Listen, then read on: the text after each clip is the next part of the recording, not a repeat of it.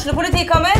Ine Jansen er purk. Er du purk? The motherfucking bitch. Alt jeg vil, er å finne ut hva som skjedde med mannen min. Jon Carew. Er jeg sikta for noe? Iben Akeli. Det er du. Ole So, Lars Berrum og Big Daddy Karsten. Hvem sin side er du på, egentlig? Anette Hoff, Tone Danielsen, Kommer du fra Afrika? Jørnis Josef, Nesten. Kløfta. Trond Espen Seim, Det er synd å si det, men det var feil mann som døde. Purk. Premiere tirsdag på TV2 Play.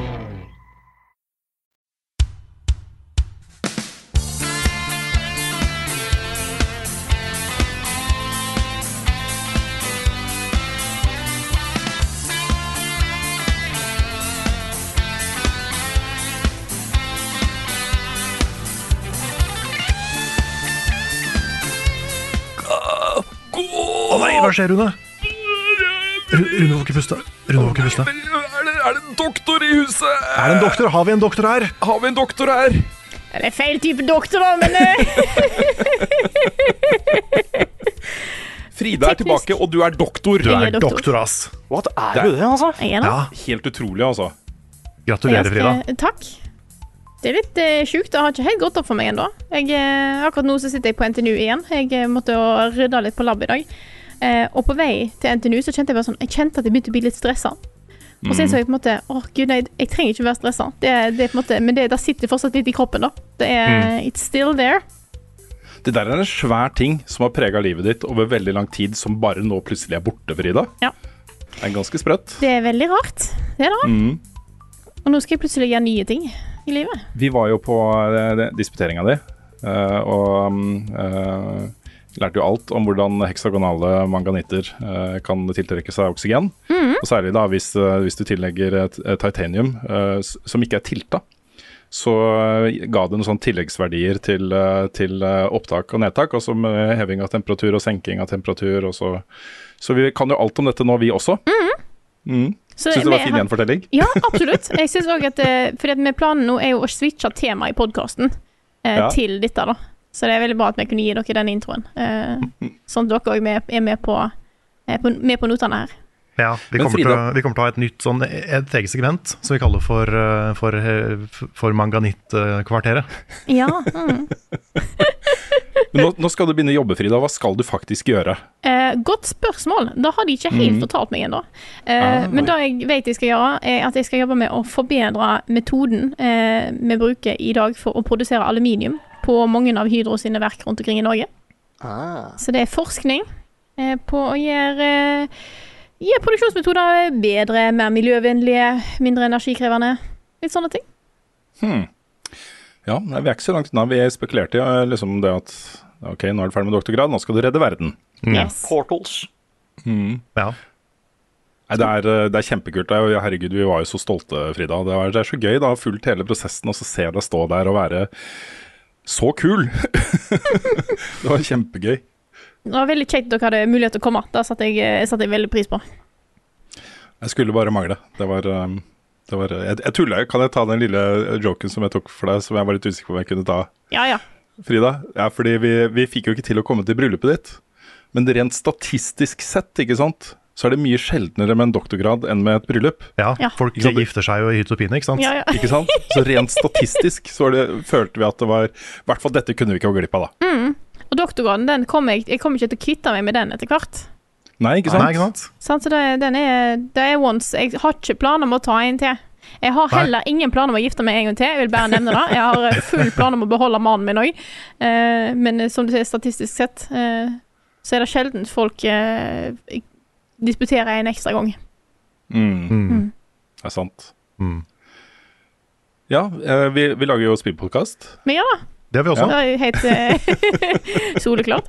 Ja, nei, nå er det jo, eh, nå er det jo snart òg sommerferie for denne spillpodkasten. Uh, så det blir jo på en måte den siste ordinære level backup før vi tar ferie. Blir, uh, så det blir litt rart å plutselig være sånn tilbake igjen, og så ja. altså. Må vente til august. Nei, men det, det, det er veldig gøy å ha deg tilbake. Og det, nå da så føles det ikke som det har gått noe tid i det hele tatt. Men uh, vi har savna det. Det har Det har vært, eh, vært et eh, sånn der hull i podkasten som, som uh, har vært litt rart. Ja, jeg tror du kan finne minst ett segment i hver eneste podkast uten deg, hvor vi snakker om at vi savner deg. Åh, Ikke sant? jeg har ikke fått hørt på podkastene ennå, eh, for ting har vært så travelt. Det skal jeg få tatt igjen i sommer, så kan jeg høre alle gangene dere snakker om meg. Mm. Sjølsentrert som jeg er, vet du. Ja, ja, ja. Tetris. Skyrim. Destiny 2. The Sims. Edderkoppkabal. Destiny 2. Animal Crossing. Pokémon Cola eller Pokémon Pepsi. Destiny 2. Guitar Hero. Kingdom Hearts Bohemian Boogaloo. Destiny 2. Level Ups spilleliste. Du posta et bilde um, i helgen, Frida, som jeg kjente i hele kroppen.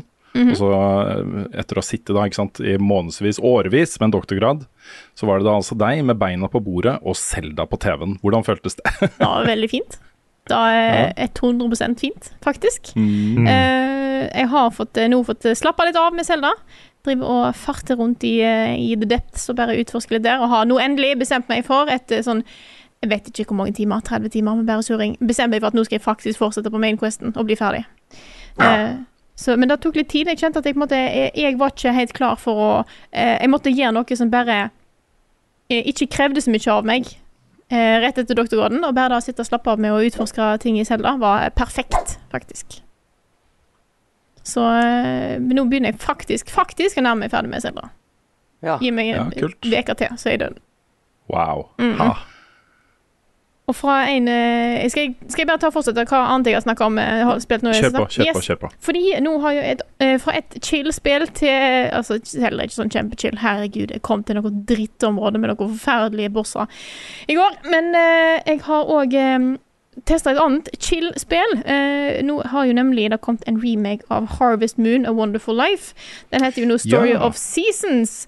A Det har du snakket snakka litt om opp igjennom, Frida. Ja, fordi at Harvest Moon-serien er jo et eneste stort clusterfuck når det kommer til navn, siden du har rettigheter som har gått den ene og andre veien og, og sånt. Men nå er det i hvert fall kommet en remake av eh, A Wonderful Life. Jeg bare kaller det det. Eh, som er et av de Harvest Moon-spillene jeg vokste opp med. Eh. Originalen kom til GameCube for eh, gud vet hvor mange år siden, og nå har de lagd noen eh, nye versjoner da. Jeg har jo egentlig begynt på klassikerinnslag av spillet, men det ble jo aldri noe av. Sånt skjer jo. Eh, og dette her er jo farming-spill. Dette er jo akkurat det en forventer. Det er jo perfekt timing, siden det er enormt med farming-spill som tydeligvis kommer ut, eh, eh, som vi har sett på alle disse pressekonferansene de siste to-tre åra. Og dette er jo en av de Jeg vil si en av klassikerne, i hvert fall for min del. Jeg vet ikke hvor stor han er på en måte sånn internasjonalt sett og i hele miljøet, men jeg har, husker at jeg har hatt veldig gode minner med dette spillet. Du har Du er en cityboy som kommer og skal ta over en gård. Eh, du får en hund, du får ei ku, du får noe jorde, får beskjed om at vær så god, kos deg. Eh, og så eh, må jeg jo si at eh, jeg vet ikke Jeg syns det er veldig vanskelig å se på dette spillet her eh, utenifra, for jeg har så mye gode, gode minner med, med dette spillet her. For jeg går rundt i eh, denne valleyen her og snakker med folk, og det er veldig mye rare folk. som er det. Det, er ingen, det er ingen normale folk i den byen her. Eh, så for meg så er det veldig hyggelig, men gud, jeg merker at dette spillet her Det har kommet på en tid der ting gikk litt treigt. Okay. Mm. Det er veldig mye sånn typisk japansk sånn enormt lang introsekvens.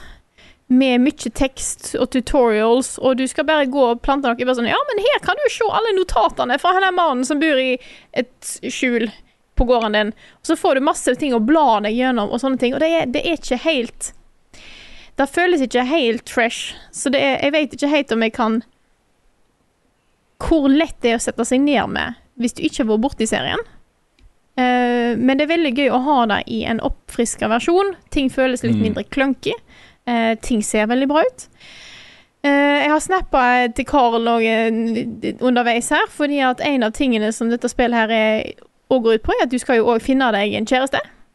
Eh, som du kan gifte deg med og liksom få familie på gården. Eh, en av de nye tingene i spillet nå er at du kan velge kjønn på karakteren din. Eh, og du kan romanse hvem du vil, og nå har de òg lagt til da mannlige romance options. Eh, en av oppgraderingen vil jeg si er at nå ser ikke jentene som du kan date, de ser ikke lenger ut som de er ti. Da er et pluss. Det er bra. Det vil jeg si er et greit pluss. Ja, fordi at det var, det var noe veldig Altså, den ene jobba på en bar, men hun så ut som hun var ti. Men nå ser de i hvert fall ut som de er sånn 16. Og da tenker jeg OK, nå nær, vi nærmer oss noe som funker. Men de, altså, de så altså så små ut, og det var veldig rart. Eh, men de, jeg må si, de på en måte mannlige romance options du har, det er bare karakterer i spillet som var der før, som du nå kan date. Ja. Og ingen av de er normale. Null. Nei, Null er noen av de liksom Er de aktuelle, eller er de liksom bare ikke det? OK, nå skal jeg, nå skal jeg fortelle min, eh, min intro til dette spillet her. Fordi eh, jeg satte meg ned, og så plutselig sånn ble jeg gitt valget. Hvordan skal karakteren din se ut? Og da, bare da var jeg en liten sånn der Oi, må jeg ta et valg her? Fordi jeg var vant med at jeg spilte han her gutten, som òg så ut som han var ti. Nå ser han òg ut som han er sånn 16. Så da er på en måte mitt utgangspunkt, og så har jeg disse fire jentene jeg kan velge mellom. Men nå når jeg plutselig sjøl kunne velge å være, eh, være kvinnelig, tenker jeg sånn Nei, vet du hva? For meg så er det å være han kiden her, da er min opplevelse. Så jeg valgte å være mannlig karakter. Og da visste jeg ikke om at det var mannlige romance options heller. For jeg tenkte liksom, skal du, skal du kun date damer? Eh, How does it work? Valgte mannlig karakter, kjørte på. Og så jeg, fant jeg ut at å ja, du har mannlige romance options òg. OK, kanskje jeg skal prøve det. Starte på nytt. Ny karakter, kvinnelig karakter, kjør på. Og så fant jeg ut at å, men faen, ingen av disse her er jo noe som helst oppegående. For han ene han er på en måte han som blir på en måte kompisen din. Og han er den mest laid-back, carefree fyren noen gang, som er på en måte uaktuelt. Han andre er litt creepy, for han, jeg tror han egentlig er sånn sjukt over, overbeskyttende for det som jeg tror er søsteren hans. Okay. Uh, så det er litt sånn Han skal liksom være en litt sånn litt kul og edgy fyr. Litt sånn som han er Sebastian i Sardew Valley. Men det blir litt sånn creepy istedenfor. Han andre er en hippie som spiller gitar, og han siste er en kunstner som lager kunst ved å slå på metall. Men det er han, hyggelig å høre, da, for det, det virker som et sånt eh, veldig sånn realistisk spill. Fordi eh, folk som bor på landet er jo skikkelig rare, alle sammen. ja, men det liksom det, det Jeg tar det tilbake jeg tar det tilbake med en gang. Jeg, jeg bare tuller, jeg bare tuller. Jeg tar det tilbake. Jeg, jeg vil ikke sende deg mail. Jeg er fra landet, det går fint. Jeg, eh, Jeg er også fra landet, da, sånn strengt, strengt tatt, så er jeg jo det. Men det, det er bare noe med kombinasjonen av at på en måte, du kan jo ha litt kule kunstnerkarakterer. Kunstneren her er ikke kul. Du kan ha en kul musiker. Musikeren er ikke kul. Han er ikke, sånn er ikke hippiemusikeren kul engang? Nei, jeg vet ikke helt. Fordi at det på en måte det føles så Det er sånn hver gang jeg går og snakker med ham, bare sånn ja, 'Fin dag i dag. Hvor skal, hvor skal jeg sette meg og spille gitar?' Og det er liksom, Hver gang jeg går og snakker med han, så er det sånn en eller annen setning. 'Hvor skal jeg sette meg og spille gitar?' Eh, jeg har ikke helt klart å finne Jeg har ikke helt klart å bli investert i det. Så jeg Nei. starter på nytt, som tilbake igjen, som mannlig karakter. Fordi at da kan jeg date noen av jentene som er oppegående. Du har ei litt sånn edgy jente som er, som er kul. Men hun er fra The City, det er jo fint. Hun andre er sånn veldig søt og bare jobber på gård, eh, nabogården. Veldig søt. Tredje jobber på en kafé sammen med faren sin. Jeg tror det var en bar i første spillet, men nå er det en kafé. Og tredje driver og bor sammen med tanta si. Det er liksom Damene her er normale.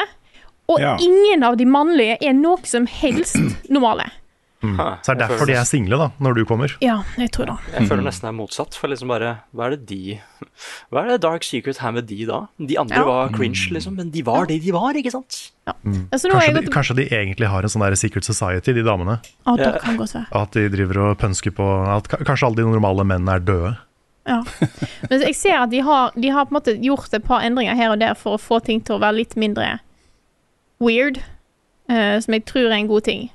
Uh, jeg syns generelt farming-biten er lettere. Ting er litt mer automatisert. I dag jeg har vatna én plante, så blir automatisk neste plante markert. Så jeg trenger ikke på en måte bevege meg og prøve å stille meg rett vei for å vatne rett plante. Da går det automatisk. Veldig bra som quality of life-forbedring. Uh, så jeg har ei ku, jeg har en Jeg har ei høne, jeg har en hund. Jeg har grodd masse tomater.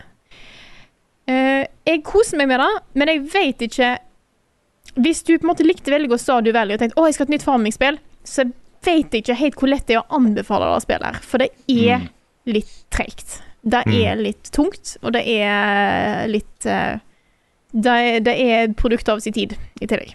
På den måten. Ja. For det er, det er først og fremst det spillet her Stardew Valley fikk det fra, er det ikke det? Eller i hvert fall denne Nei, serien. Ja, denne serien. Eh, Harvest Moon har jo hatt veldig mye opp under tida. Noen av de er bra, noen av de er dårlige. Jeg vil si at det er veldig mye i Stardew Valley som ligner på bl.a. blant annet originale Harvest Moon. Eh, I hvert fall i sprites og sånt. Eh, I det spillet her så har du litt sånn Du har litt graving, og du har litt andre ting som skjer.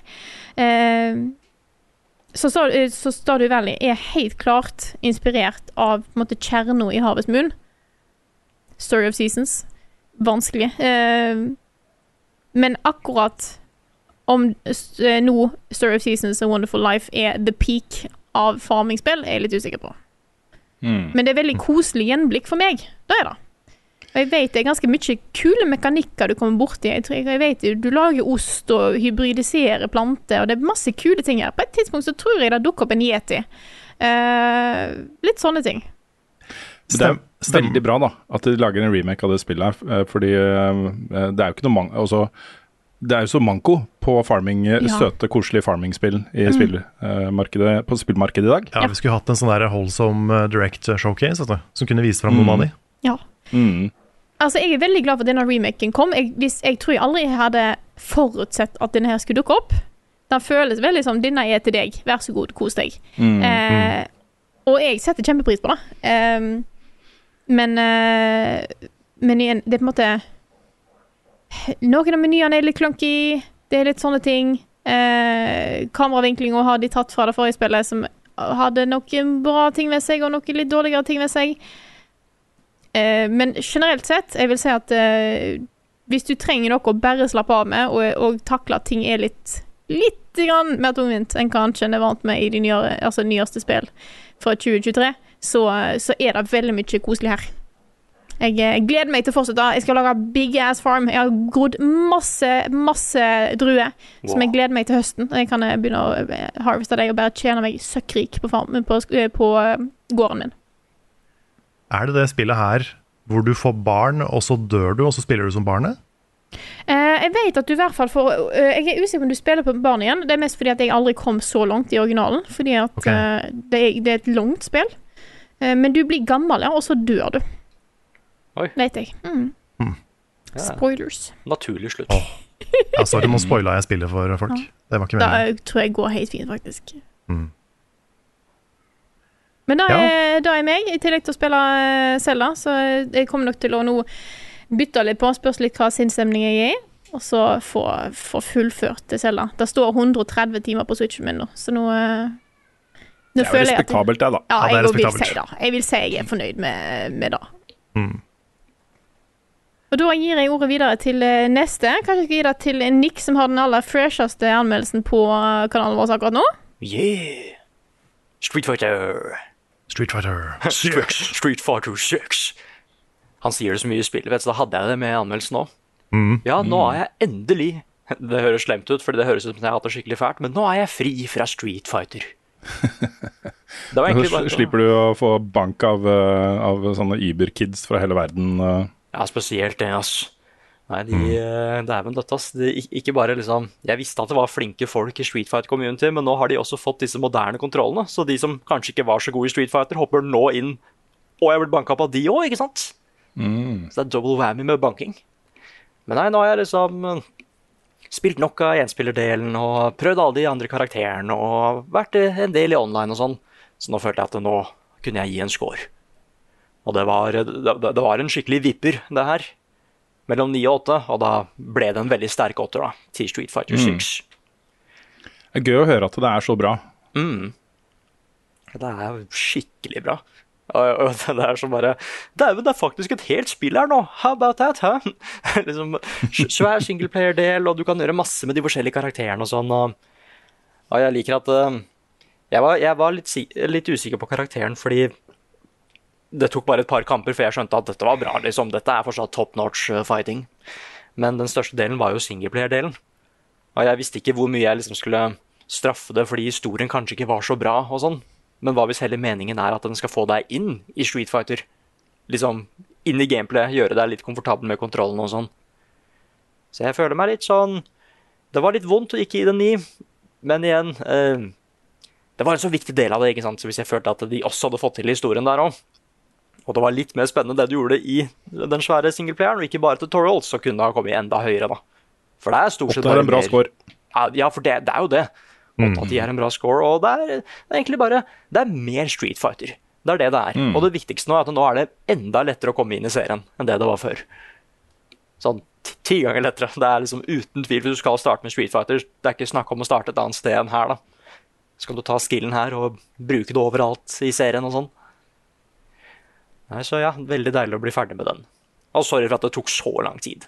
Ja, Det er helt i orden, Nick. Ja, masse, masse, Nå ser jeg, nå ser jeg her, og du- har jo endra navnet ditt på Discord, Frida, til Dr. Danmo. Det er så kult! Og lov! She has. Midlertidig. Det Det, jeg skal ikke ha det så lenge. Og mest for å teste det ut. Ja, ja, ja, nei, men vi får, eh, vi får eh, markere det, i hvert fall. og så- Men det er jo en del av level up law da, at du er doktor nå, så jeg føler det er jo Det er jo helt riktig, liksom. Ja. Mm. jeg føler du burde hatt sånn animert regnbueeffekt på navnet i tillegg. Men det går kanskje ikke an på Discord. Litt usikker. Mm. Jeg får sende her Discord en melding og be om eh, at de fikser det for meg. Ja, Kanskje du må ha sånn Discord Nitro pluss-greie for å få det. Ja, kan være. Du har også fullført Selda, Zelda, Nick. Ja, for nå er jeg faktisk helt ferdig. Jeg, jeg, tror, jeg, jeg tror jeg fikk kanskje sånn akkurat 100 timer ish. Det er i hvert fall ikke langt unna. 105, 95, et eller annet sted der, liksom. Eh, og jeg er uh, Det er bra, men jeg er litt redd for å skape dårlig stemning òg. sånn sånn bitte litt. Uh, jeg vet ikke om jeg skal snakke om det, om det ikke skal bli en spoilercast eller hva det enn blir. Men uh, det er sånn Hva kan jeg egentlig si her uten å spoile de største tinga, egentlig? Det, det var vel egentlig eh, mye av det som Mye av det som jeg hadde problemer med i Breath of the Wild, er fiksa her. Men det har også samtidig skapt noen andre nye problemer for meg òg, da. Egentlig. Men det er også noen ting her som jeg bare Dette må også være med i de andre Zelda-spillene nå, for det er så essensielt nå. F.eks. den crafting-systemet og sånn. Med ultrahand og lage ting og Jeg bare Faktisk, de shrinesa er så smarte. Jeg elsker at det finnes så mange måter å løse ting på. Og jeg, jeg pleide å shieldsurfe alt jeg kunne, liksom. Så hvis det da dukka opp en challenge hvor jeg ikke kunne det, så tenkte jeg at oi, oi, nå, er, nå må jeg faktisk prøve. Nå er det en skikkelig utfordring, liksom. Da måtte jeg være kreativ. Jeg har shieldsurfa så mye, ass. Jeg har til og med liksom henta Det er enkelte steder hvor du kan hente sånne rails, så jeg har bare lagra det til ultrahand, så jeg kan putte de hvor jeg vil, og så shieldsurfe. Det er ganske, ganske fett. Faen, jeg har ødelagt mange skjold, ass. Da har jeg litt Shield ble ødelagt igjen pga. shieldsurfing, blant annet. Oh, no. Ja, det, men det er det, det er det viktigste jeg kunne bruke det til, ikke sant? så det gjorde jobben i ganske mange timer. Du vet at du kan kjøpe det på nytt? Ja, ja, ja. Det, det er derfor jeg var enda mer crazy i det spillet her enn det jeg var i det forrige, for da fikk jeg helt sjokk. Bare, å ja, nå var den borte for alltid, ja. Jeg visste ikke om den shoppen før lenge etterpå, liksom. Um, nei, og så er det bare Det beste med det er egentlig bare friheten du har. Gå hvor du vil og sånn, og da syns jeg bare dette crafting-systemet gjør det så mye mer morsomt. Lagd sykkel og fly og hovercrafts og whatnot, liksom. Og minions og skikkelig stilige greier. Men det er egentlig bare De tingene jeg kunne ønske var bedre, er egentlig som det var på det forrige. At uh, historien og dungeons og rewards og litt sånn. Så jeg må gå litt mer i dybden på det på andre, uten å spoile. Er derfor jeg håper at det kanskje blir en form for spoilercast, hvor jeg kan snakke litt om de tingene. Men overall så likte jeg det veldig godt. Det var veldig gøy å ha et spill som jeg kunne sitte i liksom, i flere timer hver dag, og uten å liksom, stresse meg at jeg ble ferdig. For jeg hadde også den som du snakka om, Frida, med at vet du hva, nå kan jeg kanskje gå og fullføre historien. Da har jeg vært her i 100 timer, liksom. Nå kan jeg prøve å finne, finne the last boss. Det er litt morsomt også Level Up-venn og FlippKlipp-programleder Markus var gjest på Nærlandslaget nå sist gang. Uh, og han skulle ha med seg en hot take. Og hans hot take var at uh, Breath of the Wild er et bra spill, Ja. men det er et dårlig Zelda-spill. Oi, oi, oi. Han oi, eh, oi. speila egentlig mye eh, det du sier, da. At, eh, at eh, han eh, foretrekker i Zelda-serien den litt mer fokuserte historien og regisserte dungeons, og at du liksom Hvis du fullfører den tingen, så får du den oppgraderingen som Mm. gjør at liksom fremtidige utfordringer kan løses på nye måter og sånt. Mm. Altså den, den loopen der uh, mener han at Zelda-serien bør ha. Men at det er bra, da. Han, Den er jo så rigid, den er jo ikke det ja, samme. ja. Det er ikke like bra. Men eh, ja, han fikk jo det fra Andreas med en gang, da. Så du hater innovasjon! Ja, fordi jeg, jeg, jeg tror det beste Zelda-spillet fins fortsatt ikke, da. Fordi jeg, grunnen til at jeg liker de andre bedre, er ikke bare fordi de er lineære. Men det er fordi jeg føler de har elementer i seg som du også kunne putta i en open world Zelda. Og jeg tror det hadde fungert kjempebra. Uh, mye av problemet mitt er også egentlig bare det at Elden Ring fins. Liksom. Jeg sammenligner dette her veldig mye med hva Elden Ring gjorde, og jeg syns Elden Ring fikk de masse andre greier bedre enn det Tears of the Kingdom gjorde. da. Det er også kanskje derfor jeg liker Breath of the Wild litt bedre enn Tears. De la til mange ting som jeg føler de ikke helt utforska ordentlig. Du bare peiler på den ene tingen vi har lyst til å reagere på etter den andre her, eh, Nick. Ja, ja, vi må ta en liten spoilercast og prate her. Nei, men jeg, jeg syns jeg, jeg skjønner så godt hvorfor det har solgt så bra. Fordi dette er uten tvil sånn, hvis du har eh, tilgang til en Switch det, men faen, bare skaff det her med en gang. Det, det kommer til å være så gøy i over 100 timer, liksom. Mm. Men jeg går tilbake og tenker at det, det er mye jeg kunne ønske var bedre, som jeg har sett blitt gjort bedre i de andre Zelda-spillene. Det er egentlig, det, det er veldig personlig. Ja, for det er på en måte, jeg, eh, jeg snakka nettopp nylig eh, om dette her med, med folk som liker og ikke liker den nye stilen til Zelda. Og det handler så mye om på en måte, hva en sjøl verdsetter i de ulike spillene. Eh, Det er ikke noe rett eller feil sånn sett, egentlig. Enten så måte, noen uh, liker weapon durability-systemet, noen gir ikke. Uh, og jeg har blitt så mye mer på en måte sånn jeg vet ikke om jeg har bare blitt mer sånn at folk har forskjellige meninger, det er helt greit. Jeg føler jeg har blitt mer sånn med åra, og det er veldig behagelig. Det, det Da blir det ikke noe sånn kamp Mm. å overtale noen om at de tar feil, på en måte. Det er veldig, veldig Mm. fint. Det handler mye om sånn i hvor stor grad er du villig til å ofre den gamle Zelda-oppskriften for å få den nye. Mm. Og for meg så er det sånn, ja.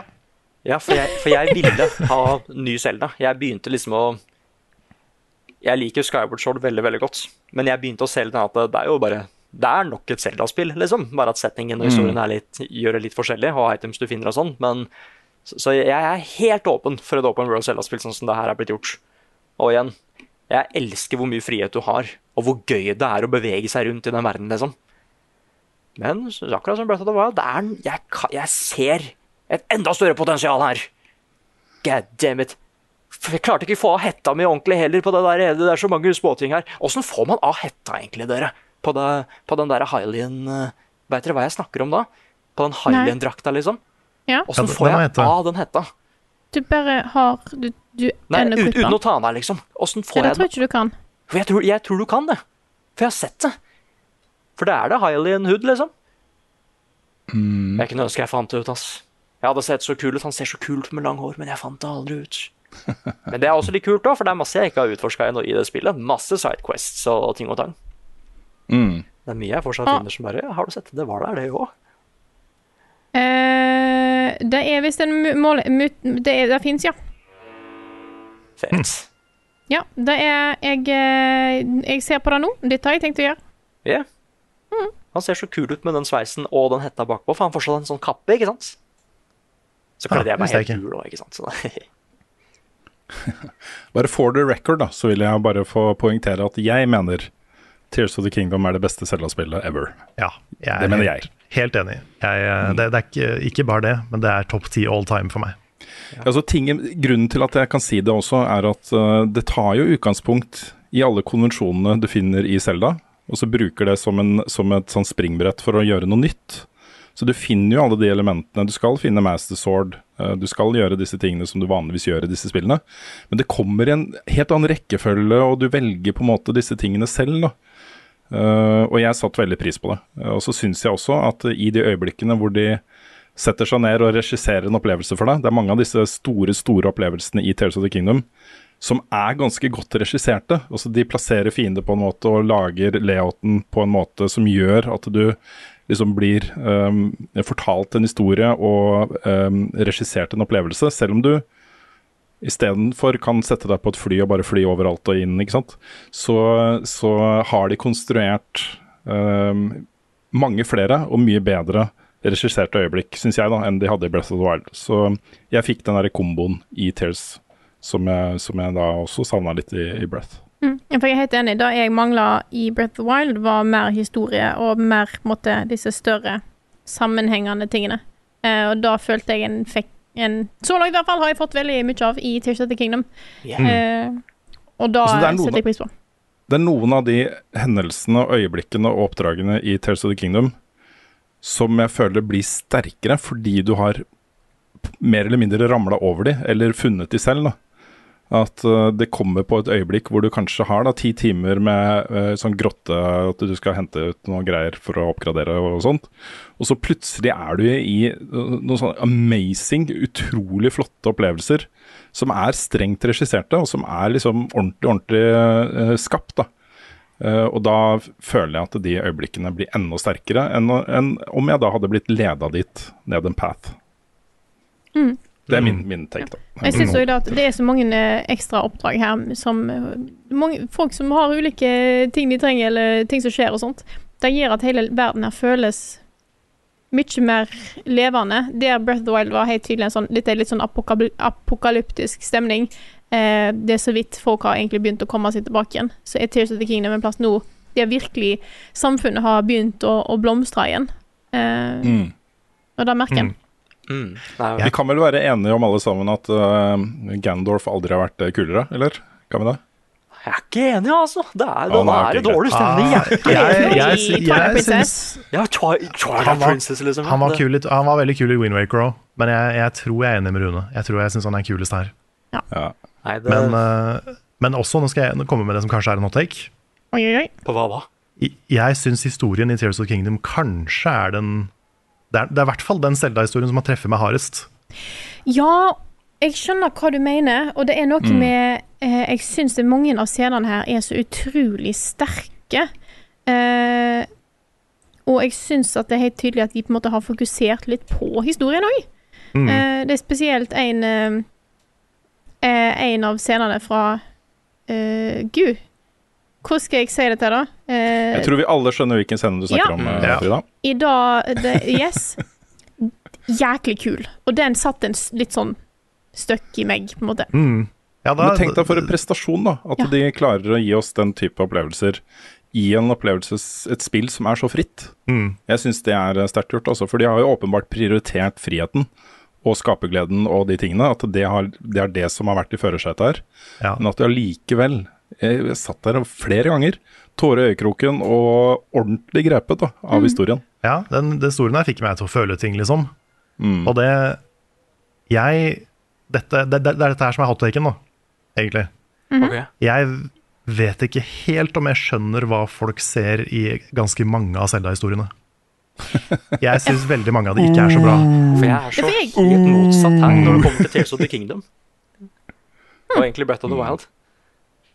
Ja, For jeg, eh, jeg syns jeg, jeg, jeg satt og tenkte litt tilbake på liksom eh, andre Zelda-spill jeg har spilt. Blant annet sånn Nå, nå er det hot take! Oh boy, oh boy, oh boy, oh boy! Håper dere er klar for dette her. Så tenkte jeg tilbake igjen på Ocarina of Time og innså at hva er, egentlig, hva er det egentlig som skjer så mye av historien der? For det er en ganske enkel historie. Ja, det er det. Og det er sånn, enkel kan være bra. Ja. Og, for, og jeg syns jo for så vidt at Ocarina of Time er enkel på en bra måte. Mm. Men så tenker jeg på sånn Twilight Princess har en veldig kul stemning. Historien er OK, liksom.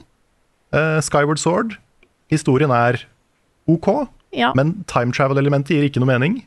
De bryter, de bryter sine egne regler sånn fem ganger. Nei, det gjør de ikke. Jo, det gjør de. Og det, det er det, Jeg vet ikke. Jeg, jeg, har vært, jeg har vært glad i Zelda-historier før, men jeg har aldri vært så glad i de som jeg ble her. tror nok Når jeg på en måte hører deg snakke om det, så innser jeg, jeg innså jeg noe sjøl òg.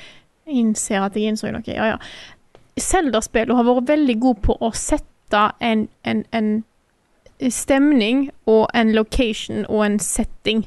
Mm. Eh? Enten det er Windwaker med pirater og åpen sju og alt dette her, eller Twilight Princess med den mørke stemninga en har der. Eller det, eller det er litt mer lettbent som du har i Skyward Sword.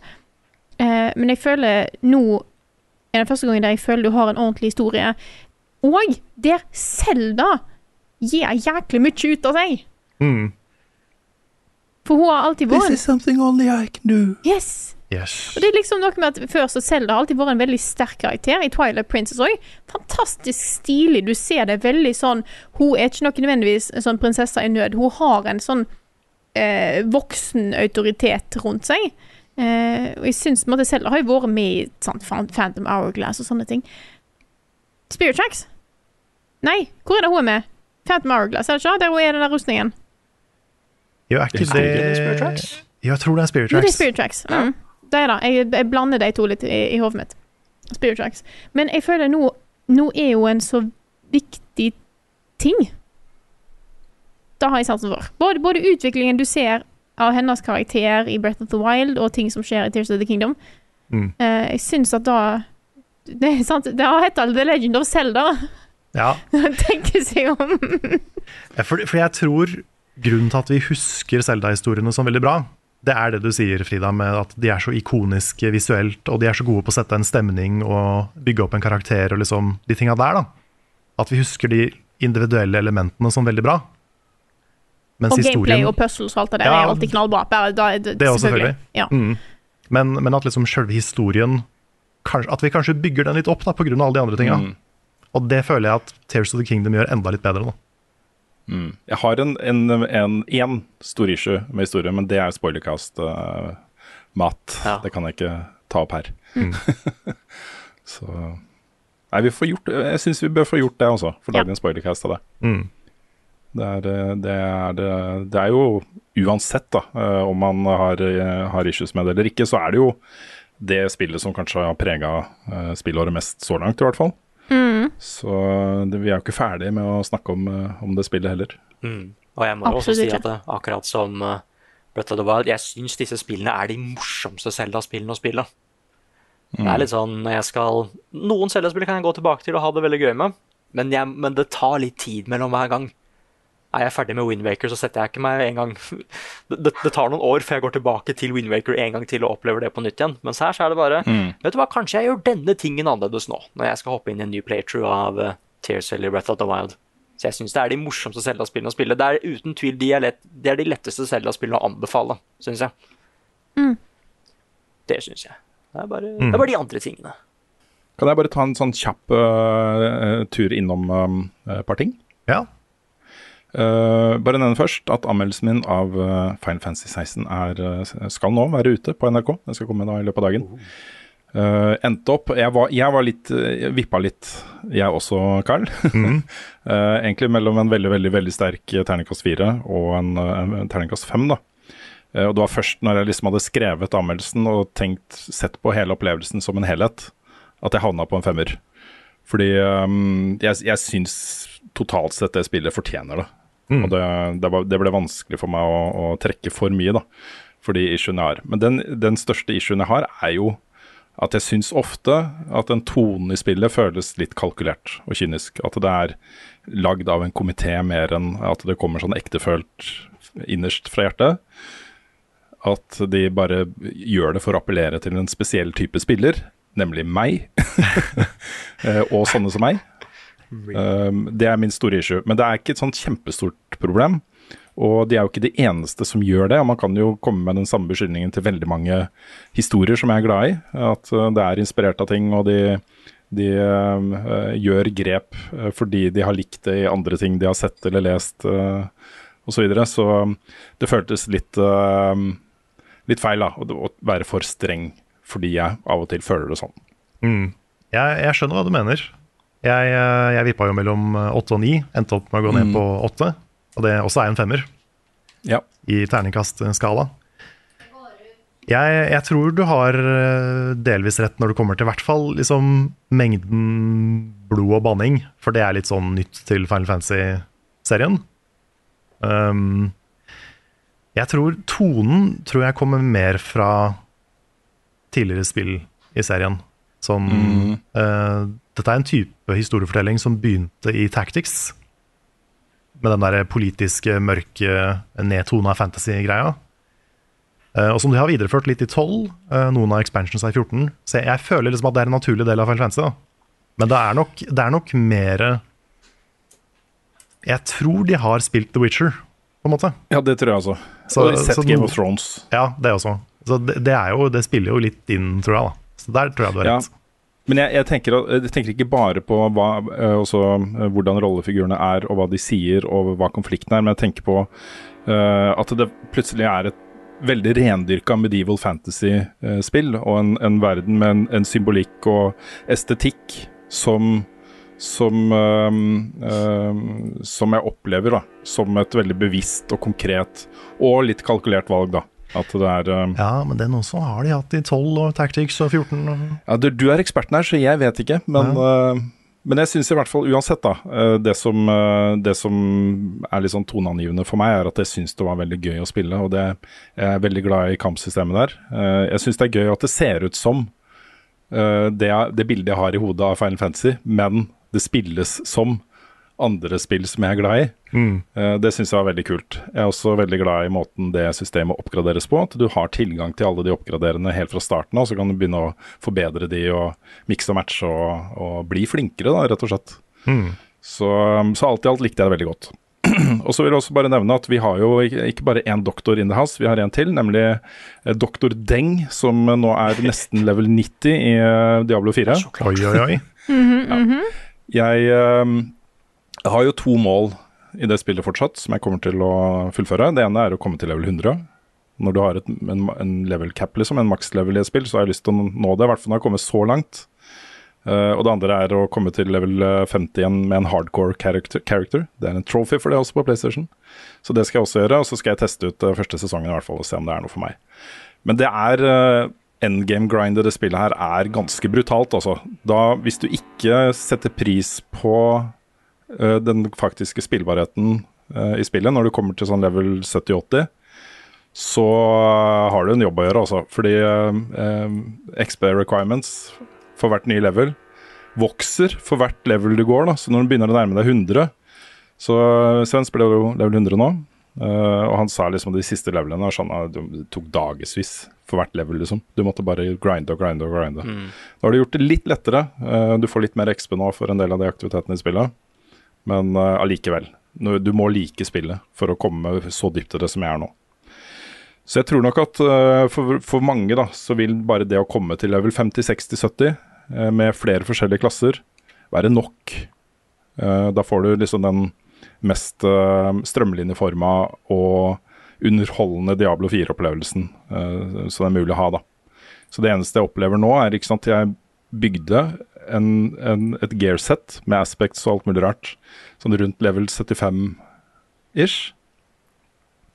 Det er et, går kanskje sju-åtte levels før jeg bytter ut en av itemene. Fordi uh, alt er så bra, ikke sant. Det, det er jo sånn minmaxing som, uh, som uh, Grinden for det er bare helt utrolig, altså. Det er ingenting som dropper. De to siste delene jeg mangler, har jeg, sett. da 0,001% drop rate på RNG. Så um, det er, jeg tror det er fire i verden som har den ene itemen. Fire i verden, fy liksom, av alle de miljøene. Ikke sant? Mm. Så sånn er det spillet, da. Ja, damn. Mm. Så var det veldig gøy, da, fordi Svens har hjulpet meg litt. Og dratt meg gjennom et par dungeons og, og sånne ting. Nå hjelper jeg Svens. Oi, oi. Jeg lager nye karakterer. Nå som han er level 100, så starter jeg nye karakterer og klasser. Så jeg har dratt Svens gjennom opp til flere Capstone Dungeons og fått opp i World Terror. The Padawan has become the master. ja, det, det føles litt godt, altså. Å hjelpe Svens. Han er jo sånn, han har jo uh, Blizzard-venner over hele verden. Som uh, Han har blitt litt sånn sensei for uh, veldig mange, har jeg forstått. da Så eh, han har med seg folk som bare står i starten av dungeons, mens eh, Svens bare raser gjennom og dreper alt. Og så, eh, ja. Så det var hyggelig å kunne gi litt tilbake da, til, eh, til min sensei også. Nice. Ja, skal jeg ta over? Hvis ikke du har du begynt på Final Fantasy, Nick? Nei, jeg har ikke det ennå. Det, Å, du har ikke det, det var ok. Zelda og Street vil- Fighter først, dessverre. Ja, jeg ser den. Jeg ser den. Jeg er bare veldig spent på hva du syns. Jeg skal si fra i det sekundet jeg har spilt de første to timene. Ja, gjør det. Men ja, da kan jeg ta over. Jeg har, eh, jeg har jo da um, runda omsider Bugsnacks. Ja, åssen var det? Ja, var det noe weird bak der? Det var noe weird, men jeg er Jeg tror jeg har bygd opp for mye. For jeg har Ja. hørt så mange snakke om Bugsnacks, og hvor rart det blir, og hvor liksom fucka og creepy det spillet egentlig er og sånn. Ja. Så jeg forventa mye verre, tror jeg. Jeg forventa at det skulle være enda mer og enda mer eh, creepy, og at det nesten skulle ta en doki-doki-twist. da. Ja. Og det gjorde det ikke. Det var, det var mer en sånn der, en twist jeg så komme, egentlig. Så, så der var jeg litt sånn eh, Det, det var litt skuff.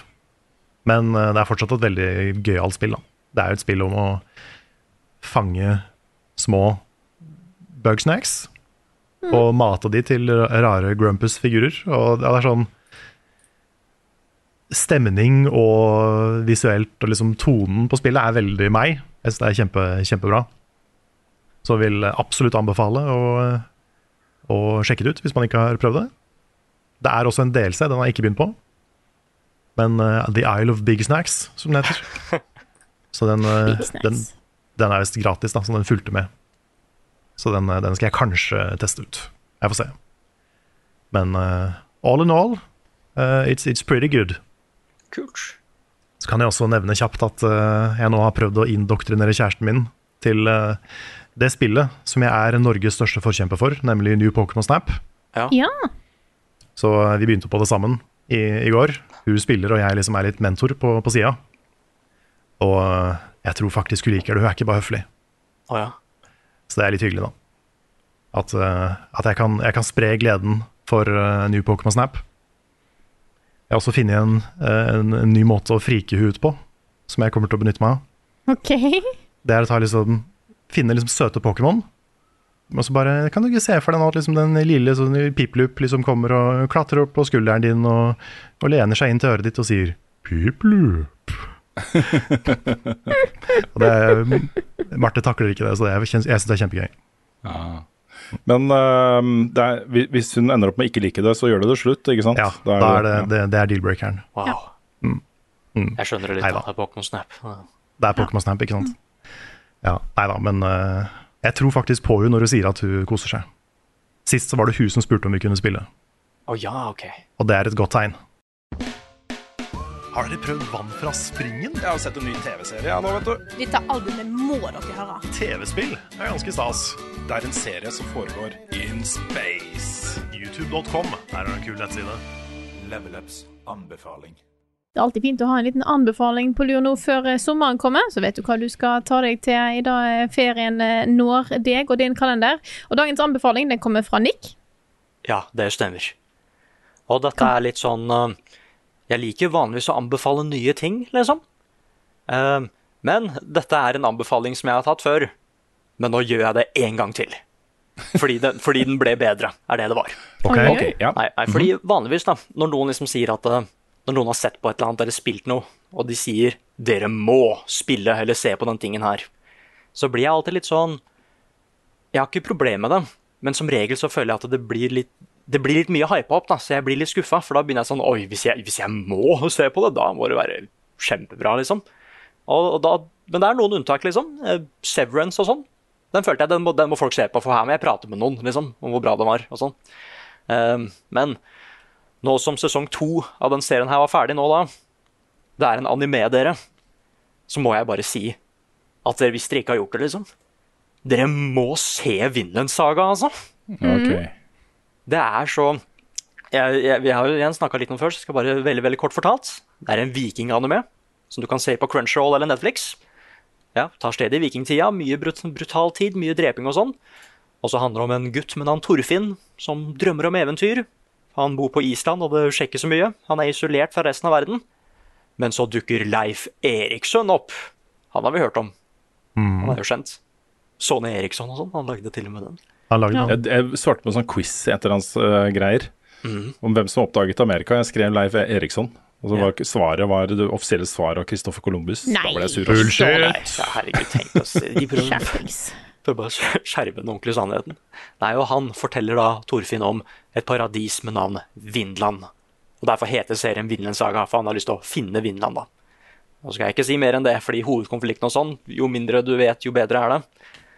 Og igjen, det er som jeg sa forrige gang òg, da jeg anbefalte Vinland Saga, i hvert fall når sesongen var ferdig, det er en ganske sånn brutal serie. Den er ikke for barn eller noe sånt, og det er masse blod og folk som mister kroppsdeler og Tror til og med jeg så en pupp, liksom. Det er ganske, ga- ganske tøff shit, liksom. Ja. Nei, du, har liksom, du har liksom blod, og så har du over der så har du kroppsdeler. Og over der igjen, mange hakk, så har du pupp. Ja. Ja. Det er det verste, altså. Det verste du kan vise på film. Jeg hater at det har blitt sånn, men det er faktisk sant. At man må ha den bare, Det er masse blod, dere, men det er faktisk litt nudity òg, Det altså. er faktisk litt pupp. Det er Ja. eh, American standards. Mm. Men eh, selv om det er liksom mye fokus på action, eh, og sånn, så er, det, så er det ikke det serien handler om. Fordi først og fremst så er det Åh, det er en så nydelig historie, ass. Og det er sånn derre Hvis man liksom snakker om animer og til og med TV-serier og sånn, som har de, hva som har de beste karakterene, så må du ha sett Vinland Saga først òg, før du kan ha den diskusjonen.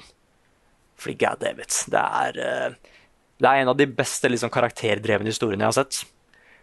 Og så, så er det liksom så mange andre ting til hvorfor jeg kan anbefale det nå, fordi nå som sesong to er ferdig Sesong to er helt annerledes fra sesong én. Som i sånn Jeg veit faktisk ikke helt hva jeg syns. Så annerledes var den var. Uh, og jeg husker du sa det også, Frida, at sesong to kommer til å være ganske annerledes, men jeg fikk fortsatt litt sånn whiplash av hvor annerledes det var. Og det er sånn Ikke bare gjør den serien enda bedre, men det, men det er så svært fordi hadde en vanlig TV-serie gjort det, så hadde jeg ikke blitt overraska hvis den ble kansellert, på en måte. Og det var mange som datt av nå òg, fordi de forventa bare sesong én på nytt igjen, ikke sant?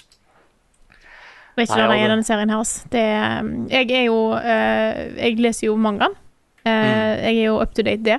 Det er så mye ting som er igjen i den serien, som er så kult, eh, og som gjør ting så annerledes enn det meste annet. Spesielt når du vet at første sesong er ganske blodig og alvorlig og ganske fullt med krig. Mm. Det er ganske mye annet som skjer i den serien. Det, det, det er character development the series, liksom. Ja. Det, er, det er ikke bare at du ser han kiden som er liten, og så bare skjer det masse med han. Han, han blir jo eldre. Mhm. Du får sett hvordan alt eh, han opplever, påvirker han i utviklingen av hele hans uh, liv, nesten. Det er fascinating. Ja, og så er det sånn at du vet på en måte ikke helt hva Vinland Saga er før du har sett sesong to. Og det er også derfor så mange detter av. For bare, jeg, jeg trodde jeg bare skulle få sesong én på nytt igjen, liksom. Er det ikke sånn alle andre serier gjør det? Nei, og det, det var så sykt tilfredsstillende, altså. Det var sånn uh, uh, Hva er det det heter? Uh, Euphoria, er det det heter? At, at liksom det var, det, det var så liksom Jeg følte meg så belønna av å følge de karakterene og se den historien. Og jeg får, den, jeg får den følelsen av og til, men det er så sjeldent. Å nei, fy fader, slutten på sesong to, ass. Den fikk meg til å føle ting som det, som det er så få serier som gjør. Og når det kommer til liksom karakterutvikling og retningen historien tar og sånn, det er så mange serier som Det første at det er så mange serier som aldri får det til, føler jeg. Og de få som faktisk får det til, flesteparten av de bruker liksom hele livstiden til den serien da, for å få til det som jeg føler sesong to gjorde med Vinden-saga. Nei, så hvis du, hvis du, enten om du ser på anim- anime eller ikke, og du ikke ser på Vinden Saga, you're missing out, altså. Og Du selger det bra, Ernik. Pluss at dette er norsk law, ikke sant? Ja, Det er jo vår, dette er kanskje det som skjedde, liksom. Det er en, noen, det er en noen, animifisering av norsk historie, på en måte. Noen, eh, noen karakterer er nok litt mer eh, eh, grandiose enn det de eh, kan fysisk ha vært. Eh, Ja, han som, han som kaster trær, blant annet. Ja, han som kaster trær. Kar, han kaster ikke trær, han bare slår med trær. Oh, ja. Det er, stein, det er kappesteiner han kaster, OK? Oh, ja, Men mange okay, av disse ja, er jo navn på folk som har eksistert. Ja, Ja, ja, ja. det er det. Som er litt som er veldig stilige. Mm. Jeg har sett jeg tror jeg halvparten av første sesong, og så skjønte jeg mens jeg så på at eh, sesong to ikke var ferdig ennå. Mm. Så da slåa jeg ned litt, så jeg har ikke fortsatt å se på. Men jeg har, jeg har tenkt å fortsette. Nei, ja, og det har vært liksom Når den sesongen her har gått, liksom, de siste episodene, da har jeg alltid hatt lyst til å bare Fader, nå må jeg anbefale Vinland Saga, men jeg tror de kommer til å stikke til landing. Men vi venter bare for å se på slutten av sesong to. Og så var det bare enda bedre enn det jeg trodde det skulle bli. Og det, igjen, det er fortsatt mye action og sånn. Det blir jo skikkelig fett og skikkelig hype. Det er skikkelig gode actionscener, og det er fortsatt ganske brutalt, men det er så den, den er vakker på en sånn måte som jeg ikke finner så mye i sånne type animer som handler om krig, og særlig den skikkelig brutale æraen som det er til sted. da. Og hvis eh, sesong én, liksom uh, det, det, det var en ti av ti, og det her er enda bedre. Sesong to er enda 11 av 10? Ja, bedre enn ti av ti. Det er enda Wow. bedre enn ti av ti. Ja, ja. Nei, jeg vet ikke, ass. Det er bare Nei, jeg, jeg, jeg fikk så mye ut av den serien. Og jeg kan ikke vente med å se liksom åssen det fortsetter nå. Fordi igjen, som Frida sier, den, dette er en svær serie. Det er en hel saga, liksom. Dette kommer til å ta lang tid. Nei, og det er eh, to sesonger nå. Det er rundt 24 episoder hver sesong, mener jeg det var. Og hver episode var i sånn 20 minutter. Og du kan se det både på Netflix og Crunchyroll. Så det er kjempelett å se det. På Netflix er det til og med norsk tekst òg, ikke sant. Og dub, hvis du trenger. Engelsk dub, ikke norsk, men ja. Mm. Nei, så, så lett å se det, og jeg anbefaler alle, spesielt hvis du også er glad i gode TV-serier. Du må ikke like alle med en gang, så jeg tror du fortsatt kommer til å finne noe å like i Vinland Saga.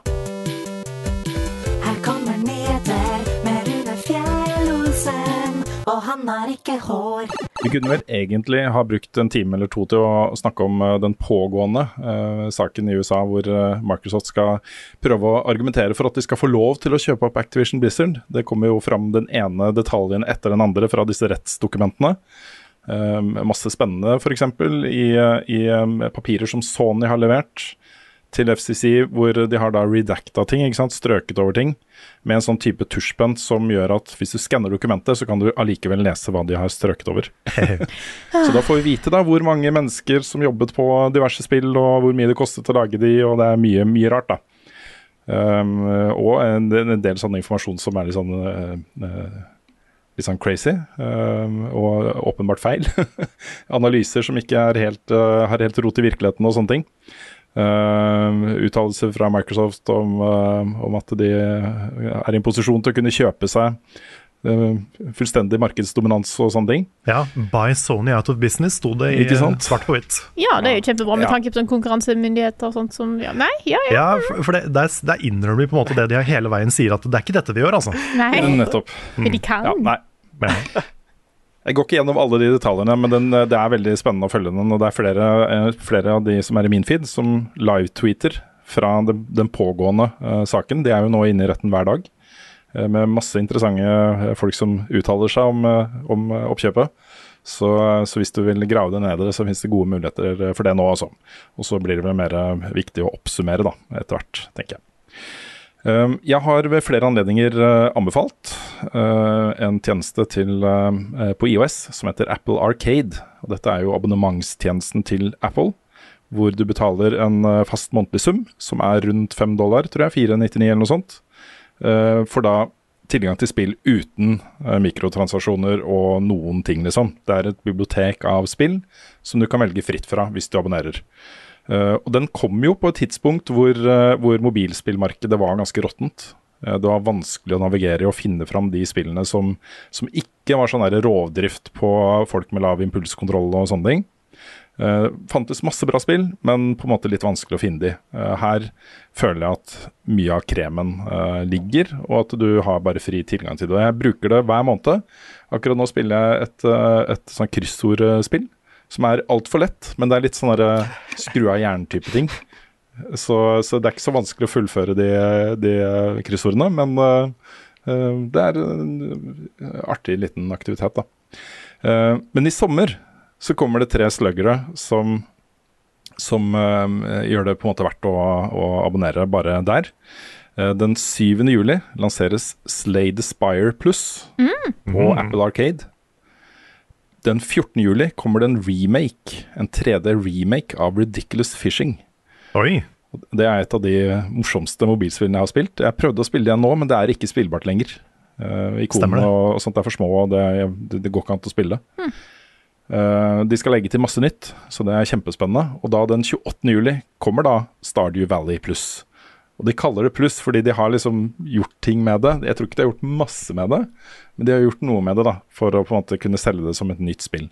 Det, jeg, jeg, tror fortsatt de selger Stardew Valley og Slade Spire og Ridiculous Fishing separat i, uh, i uh, AppStore, men uh, dette blir da inkludert i uh, Apple Arcade. Det er tre ganske solide spill, altså. Så du kan jo på en måte starte på det ene, gjøre deg ferdig med det, og så kommer det det neste uka etter, og så kommer det neste uka etter der igjen. ikke sant? Så har du tre kremspillopplevelser på, på iPhone i sommer. Not bad. Mm -hmm. mm. Masse fram og tilbake om Starfield også. Eh, det er nå har vært mye sånn fra, uh, usikkerhet rundt uh, hvilke av versjonene som inkluderer en, en faktisk fysisk disk. Okay. Hvis du kjøper den fysiske versjonen av dette spillet, og nå har da uh, Bethesda vært ute og klargjort. Uh, og de sier at standard edition, også den vanlige, den som ikke er noe uh, greier med i det hele tatt, um, inkluderer ikke en disk på PC. Der er det bare en kode til nedlasting, uh, men den vil gjøre det på Xbox. Ingen versjoner av det som heter da Constellation Edition, vil ha disk. Og det er på en måte den liksom deluxe-utgaven. Uh, alle versjoner av den vil kun da ha kode til nedlasting, både på Xbox og PC. Så da mm. vet du det. Et, uh, august begynner å se ganske trangt ut nå, med utgivelser. Det er et til som har sneket seg inn, nemlig Fort Solis. som uh, foregår da på en, en, en base på Mars, planeten Mars, uh, med Roger Clark fra Red Dead Redemption 2 Ja, det, ja. og Troy Baker i hovedrollene. Det har fått lanseringsdato, og det er på PlayStation 5 og PC den 22. august. Dette ser veldig bra ut også. Et sånn- litt sånn survival horror-aktig eh, spill på, på en, en veldig skummel base på Mars, ikke sant. Mm. Med bra skuespillere og greier. Kan bli, kan bli bra. Jeg eh, så en annen helt fantastisk eh, tråd på Twitter eh, her om dagen, hvor noen har gått gjennom eh, alle promoteringsgreiene som, som utgiverne av Barbie-filmen gjør. Det er helt vilt, altså. De har ordentlig slått på stortromma og gjort uh, collaborations og, og sånt i eh, alt fra sko til, eh, til ja, alt mulig rart. Det var veldig gøy, fascinerende å se hva de bruker penger på markedsføring der. Og en av de grepene de gjør, er jo da å inkludere bilen til Barbie i Forza Horizon 5.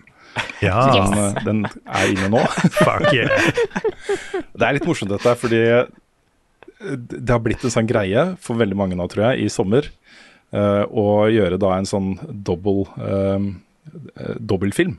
eh, dobbel kinotur. Back to back. Barbie og Oppenheimer. Yes. lanseres Ja. samme dag. Premiere samme dag. Ja, de har premiere samme dag, ja. Dette er Doom og Animal Crossing all over again. ja det, er, det, er det. Men det er en god idé, da. Ja, Ja, det er en god idé, men det, vi kan jo ikke, altså, da må man jo nesten se Barbie først. ja, ja, ja Tenker jeg da. Ja, ellers så må man, er ellers må man deale med depresjonen sin via Barbie. Ja, Ja, kanskje da er, Ja. er the way to go. Jeg, altså, jeg tenker at Oppenheimer blir tungt uansett, men det jeg kan være at Barbie blir enda mer oppløftende Ja, jeg tror etterpå. det. Ja, men jeg, jeg, jeg er helt sikker på, eller jeg, jeg føler meg ganske sikker på, at, uh, at Oppenheimer kommer jeg til å trenge litt tid til å prosessere. Når du får de rapportene med folk som ikke klarer å snakke engang når de går ut av kinosalen. Ja, men kanskje du, kanskje du da Kanskje det hjelper å Ja, prosessere kanskje, filmene kanskje. med Ja, men jeg, vil gjerne, jeg vil gjerne, ikke sant. Jeg vil gjerne Jeg husker da jeg gikk ut av kinosalen etter å ha sett The Game. Det er jo eh, en av disse filmene til David Fincher, Um, som fucker med huet på en måte som ikke så veldig mange andre filmer gjør, da. Uh, da var jeg sånn, hadde vanskeligheter med å prate etterpå. Uh, da måtte jeg liksom bare ha litt tid for meg selv, rett og slett. Uh, det er det jeg håper litt av Oppenheimer, da. Men vi, vi har bestilt billetter. Det blir Imax på Carl, Nick og meg, og Andreas. Jeg hadde bestilt jo fire billetter, så jeg ga den siste til Andreas. Ja, nice. Ja, så det blir en ordentlig level up-tur for å se Oppenheimer da, den 21. juli. Ja, men vi må også se Barbie. Ja, det, Ja, men ok, gi det et par timer imellom, da, så kan jeg, kan jeg være på det. Det, det må ikke være samme dag, det kan være seinere. Men Ja, men det er litt gøy å ta det samme dag. dere har jo tidlig på dagen Oppenheimer, og så tar dere Barbie på kveldstid, sant? Ja, for vi kan gå og spise middag Ja, ja, og, ja. og Ja, det kan være. litt ute i lyset og Ja, hva, sant. hva hvis Barbie Jeg er litt redd for at det kanskje er en mørk twist i Barbie. Hvis den er enda mørkere enn Oppenheimer? Ja. Eksistensiell, liksom. Sånn. Jeg, jeg hørte at eh, Hollywood gikk tom for rosa maling etter Barbie-filmen. Jeg skjønner. Ja, det, det er ikke så rart. Nei. Det er noen som har tatt bilde av Jeg vet ikke om det Sannsynligvis er det det huset de bruker i filmen, da. Men det er i, på Malibu så er det jo Barbie-huset. Mm. Jeg har tatt sånn eh, dronefoto foto av det huset, liksom, som er Barbies hus, da. Det, Jeg, at jeg har ikke noen rosa klær, men vi burde liksom nesten kledd oss ut til Barbie. ja, vi kan jo være Ken, da, med litt sånn pastellfarger og, og um, genser knytt over skulderen og Ja, jeg har ikke det heller. Jeg har Hvor nesten bare mørke klær. pastellfarger eier dere tre totalt? Nei, det er det. Veldig lite. En shoppingtur, og så er vi good to go. Jeg har en rosa skjorte. Ja. Jeg har det. Jeg jeg, dette, er, dette er null kritikk for meg. Jeg tror ikke jeg, en, jeg er det eneste pastellfarga plagg sjøl. Jeg bare innser at jeg tror jeg aldri har sett dere i pastellfarga klær. Eh, Nei. Nei, faen, har ikke Vi, vi, vi kan, vi kan k- ha sånn kino, dobbel kinodate med klesskifte. ja. Vi kan se Mm. Oppenheimer, og så skifte klær før vi skal se Ja. Mm. Barbie. Åh, men kan vi da ha Barbie-klærne til Oppenheimer og omvendt? Ja, det er gøy. Det er faktisk gøy. Nei, jeg må, jeg må bare legge til at uh, jeg skal se Barbie uansett, liksom. Jeg, jeg digger alt jeg har sett av liksom, konsept og alt mulig rart. Men uh, Oppenheimer er eh, det, blir, det er et av de største høydepunktene for meg i år, også. Ja. Av alt. Av filmer og spill og TV-serier og alt mulig rart. Det er kanskje den tingen jeg gleder meg mest til å se. Så det, jeg, håper jeg, jeg håper at jeg er her eh, den 21. juli. Jeg vet ikke om det, Vi har ikke lagt alle planene for sommeren, så det er ikke helt 100% sikkert at jeg får det med meg, men eh, ja. Anyway, vi går videre til et spill du har snakka mye om, Karl, Carl, og blitt veldig glad i, nemlig Cassette Beasts. Ja. Som eh, nå har fått en ny patch, eh, men ikke minst har de også eh, annonsert at de jobber med multiplayer. Oi, oi. Og en egen expansion som heter Peer eh, of the Unknown. Okay. Det var en showcase eh, i går eller i dag eller noe sånt. Det er jo perfekt for multiplayer, for det er jo alle kampene i spillet er duo battles. Mm. Så det er, eh, det er en god idé. Mm.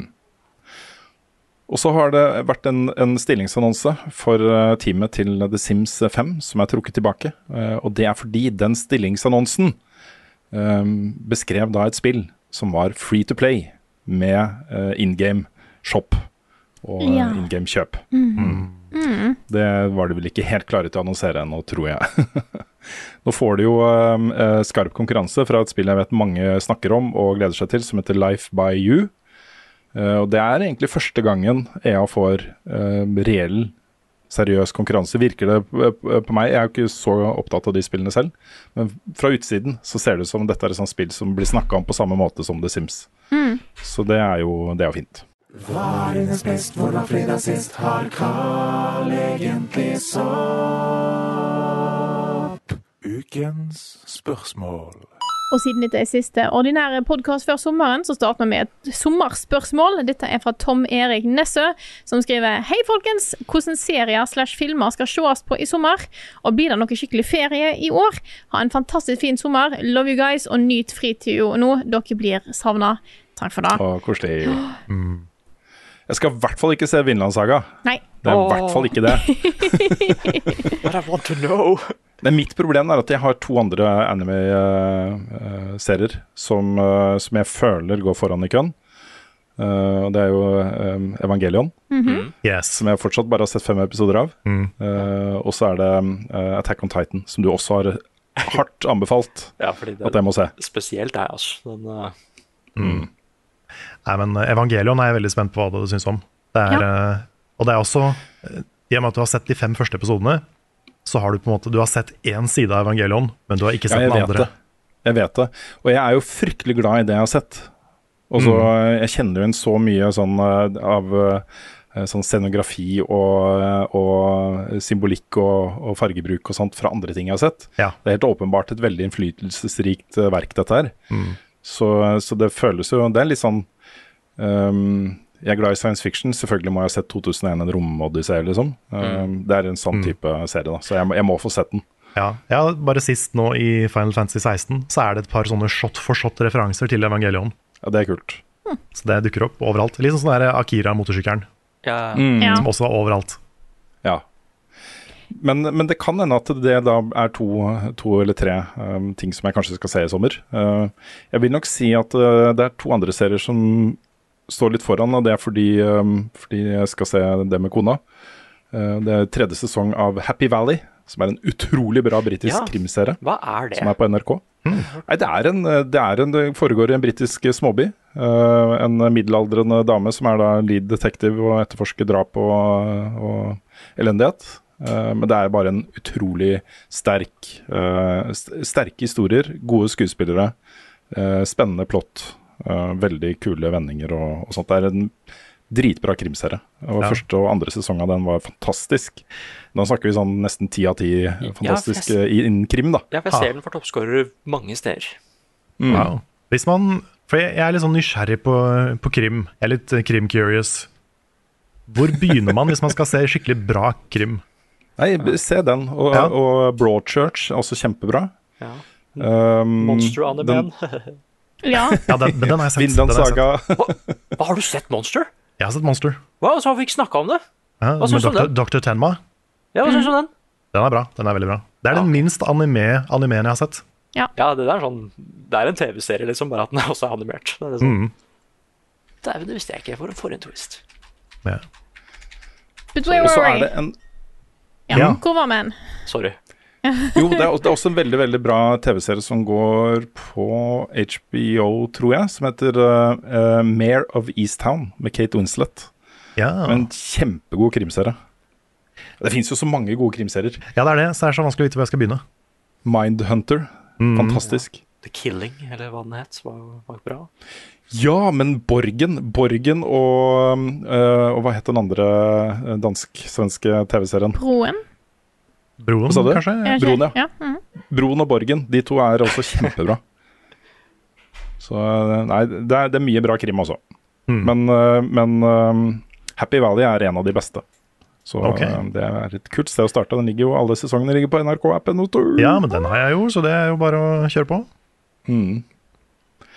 Men den andre er jo Det har kommet en ny sesong av, av øh, Jesus Christ også, det er korttidsminnet mitt. Ja. Den derre dystopiske fremtidsserien. ja, Black Mirror, liksom. Black Mirror. Black Mirror. Ja, ja. Mirror. Ja. Black Mirror. Jeg merker at jeg vet hva, jeg tror ikke jeg er i the mindset for å se en ny sesong av Black Mirror helt ennå. Jeg er ikke Nei. helt på plass der. Jeg har fortsatt ikke sett den forrige. Jeg tror jeg så de tre første. Mm. Men det er jo knallbra. Uh, det er bare at du må, jeg må være klar for det, tror jeg. Mm. Ja. Jeg lik- ja, den sesongen her tok en litt annen vending enn det Black Mirror har gjort før. Ok. Mm.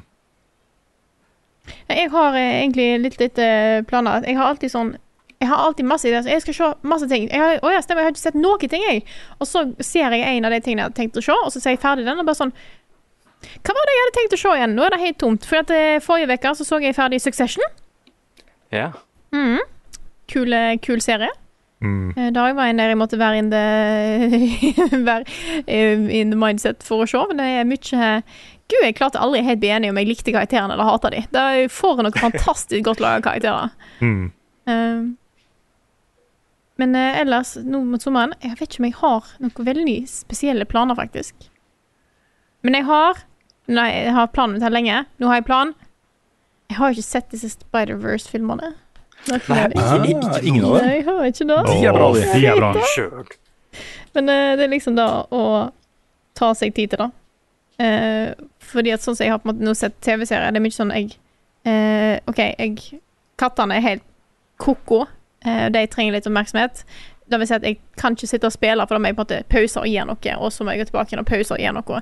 Og da har en TV-serie mye lettere å på en måte bare det, det er enklere å, å ha det gående mens kattene trenger litt eh, Hvis de trenger litt oppmerksomhet. Mm. Um, men en film har jeg lyst til å sette meg ned og nyte i sin helhet. Ja, Mm. så klart. Mm. Mm. Eller sommerplaner, flytta. Jeg vil nok eh, anbefale at du prøver å få sett uh, Cross the Spider-Wars før den tas av kino. At du Ja. har sett den på kino. Mm. Det, er, det er litt av en opplevelse, altså. Ja, det er en utrolig kul kinoopplevelse. Nei, eh, jeg skal ha den eh, på lista, men ellers er det mye flytting. Vi var på Ikea i går, kjøpte flytteeske. Så var vi og kjøpte bil. Så nå har jeg bil. Nå er jeg en bileier. Så ja, Det er en stor ting. det er det. Ellers er det rolig plan i sommer. Ja, samme her egentlig. Jeg eh, har ikke noen store planer. Skal bare besøke familie og venner og sånn. Gjøre litt andre ting. Mm. Prøve, prøve i hvert fall. Det blir sikkert mye gaming, men uh, prøve, å- prøve å dedikere litt tid til andre ting. Jeg reiser jo uh, sydover for å besøke amerikanske vertsfamilien min. Ja. uh, og de andre utvekslingsstudentene som bodde hos de, da. Så det er en, eh, en dame da fra Frankrike og en fyr fra Tyskland som også kommer med sine familier. Mm. Det er nå, liksom. Vi drar på lørdag. Så det blir eh, kjempegøy også. Jeg gleder meg masse. Ja, det var Kroatia dere skulle til? Var det det? Det er det. Og folk spør liksom hvor i Kroatia, men jeg vet ikke helt. jeg vet hvor vi skal lande, og så blir vi jo liksom henta en bil og så kjørt til den resorten som de har uh, ordna rom på og sånt. Eh, men det er jo på vestkysten, selvfølgelig. Det er ved vannet. Uh, på en uh, Jeg tror det er en liten øy eh, hvor eh, det er sånn svært sånn hotellkompleks med leiligheter og bungalower og masse svømmebassenger og badestrender og restauranter og, og sånt. Så eh, det blir en fin uke, altså. Husker du hva øya heter? Nei, jeg kan finne det ut også, for jeg har all den informasjonen. Men i og med at det ikke er jeg som har bestilt dette selv, Nei. Mm. Så, så ligger ikke denne informasjonen fritt tilgjengelig. Uh, Men Kroatia det- er jo fantastisk. Jeg har vært der to ganger. Jeg har planer om å dra Mm. tilbake igjen. Uh, Det er litt sånn eh, perfekt med, med sol og sjø og god mat og veldig mye hyggelige folk. Sist jeg var i Kroatia, så var jeg 14 eller noe sånt, og ble så mer solbrent enn jeg har vært noen gang i hele mitt liv. Så nesten sånn eh, andregrads forbrenning solbrent. Oi, oi. Å nei. Men ellers var det fint. Mm. Ellers var det fint. Ellers så Jeg tenker at jeg tar i hvert fall én uke, kanskje to, etter det, hvor jeg prøver å bare slappe av. Det blir utrolig hektisk i august og september. Det, Gjør det? Ja. Mm. Da har vi mye på planen. Jepp. Og du, Nick, hva er sommerplanene? Jeg skal spille Final Fantasy. Nice. Og litt Darkest Dungeon nå. Egentlig bare catche up på de spillene jeg ikke har, men mest Final Fantasy er mitt sommerspill. Så skal jeg Jeg tror familien skal reise et sted, men det har ikke jeg så lyst til. Jeg har lyst til å bare slappe av. og- Jeg har egentlig bare lyst til å være her og være i slappe-av-modus. Det er det jeg vil. Det høres veldig deilig ut. Nå tok vi en ferie i en dag og dro til Trondheim, og jeg har reist nok, liksom. Og, Ja, ja, ja. nei, så det er egentlig det. Jeg, eh, jeg vet ikke når jeg tar ferie heller. Det, det må jeg finne ut. Men eh, jeg vil egentlig bare slappe av. Og gå tur hver dag mens det er fint vær og sånn. Det er det jeg vil. Jeg er, jeg er litt sånn som deg, Nick. Jeg liker å, jeg liker å ikke ha planer på sommeren. Ja. Jeg syns det er veldig deilig. Ja, det er egentlig drømmesommeren. Drømmesommeren er å bare ikke gjøre noen ting. Sove så lenge man vil og se på de tingene man har lyst til å se på. Spille de spillene man har lyst til å spille, og gå på kino. Og Mm. Gå ut og spise og slappe av, liksom. Rett og slett leve litt uh, Kuna Matata. Ja, jeg ja. blir litt stressa at man skal ha for mye planer og reise ting og oppleve ting og sånt, men det er jo på, har på en måte ikke noe valg, da. Må jo prioritere kidsa litt. De skal jo ha ferie så lenge at, uh, at uh, de kan jo ikke bare gå og subbe gjennom hele sommeren. De må gjøre, gjøre noe. Jeg gleder meg til å flytte sørover til en plass der det ikke er masse regn, sånn som det er akkurat nå i Trondheim. Eh, En plass der du faktisk kan ha sommer, sånn som det ikke var i Trondheim i fjor. Eh, Det blir nok fint her òg til neste år, vil jeg tro. Så det er ikke nødvendig blir fint her nå. I sånn neste år, det mente jeg ikke. Hjernen min er et kaos. Jeg er fortsatt ikke helt på plass. Eh, jeg brukte opp all min hjernekapasitet forrige fredag. That's it. Det var tomt. Må, det er det jeg skal gjøre i sommer. Få, få den tilbake igjen. Nei, Ja. eh, jeg gleder meg til å flytte en plass der det er varmt og fint og sommer. Eh, litt stabilt. Men òg at plassen jeg flytter til, har varmepumper og derfor òg nedkjøling. Eh, for da har jeg ikke her i Trondheim, og jeg har holdt på å renne vekk de siste dagene. Det blir altså så jæklig varmt i den leiligheten vår, og vi har ingen måte å få det kaldt på, for hele bygget blir varmt i seg sjøl. Så jeg gleder meg til å flytte sa Det sa dere nok ikke noe om da dere solgte den. Det sa dere ikke noe om da dere solgte den. Nei. Men det er bare that's just how it be. Ja. Ja. Til salgs god og varm leilighet. Det er mer at på vi er litt begrenset at vi kan ikke åpne vinduene for mye, for da stikker kattene ut. Ja. Ja. Så når du ikke har katt som ikke kan gå ut, så kan du åpne vinduene, og da går det litt bedre. Da er det ikke noe problem. Det er sant. Det er sant. Skal jeg ta et uh, spørsmål til? Gjerne. Dette er fra Ingar Takanobu Hauge, som spør Har spill noen gang motivert dere til å gjøre endringer i det virkelige liv. For eksempel har historietunge spill fortalt på, fortalt på ulike språk hjulpet dere til å bruke duolingo. Har Street Fighter gitt treningslysten en aldri så liten boost? Har Shadow the Hedgehog sørget for en aldri så liten tur på den lokale skytebanen? Har indiespill opp- oppmuntret dere til å møte medmennesker på en bedre og mer omsorgsfull måte, osv.? Ah, Det er et bra spørsmål. Veldig bra spørsmål. Altså det, det overbyggende er jo at eh, ja, spill påvirker oss på små og store måter. Det, mm. alt annet ville jo vært veldig rart. That's why it's art. Mm.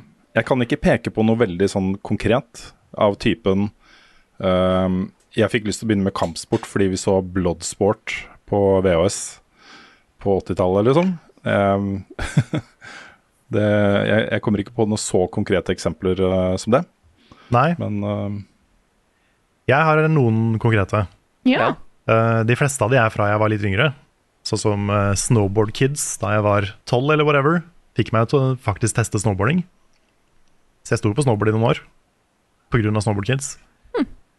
Um, Final Fantasy 9 fikk meg til å tenke på de store, dype spørsmålene i livet da jeg var 14. Og Outer Wilds nå, i, i jula, gjorde meg litt mer OK med døden, faktisk. Wow. Det. Så det, det spillet er sånn Det er litt sånn, litt sånn life-changing, faktisk. Det er, det er kult å uh, høre hvor, hvor eh, stort eh, spill kan liksom påvirke oss. Jeg heller kom ikke på noe spesifikt, men jeg, jeg regner med at det er noe der, altså. Mm.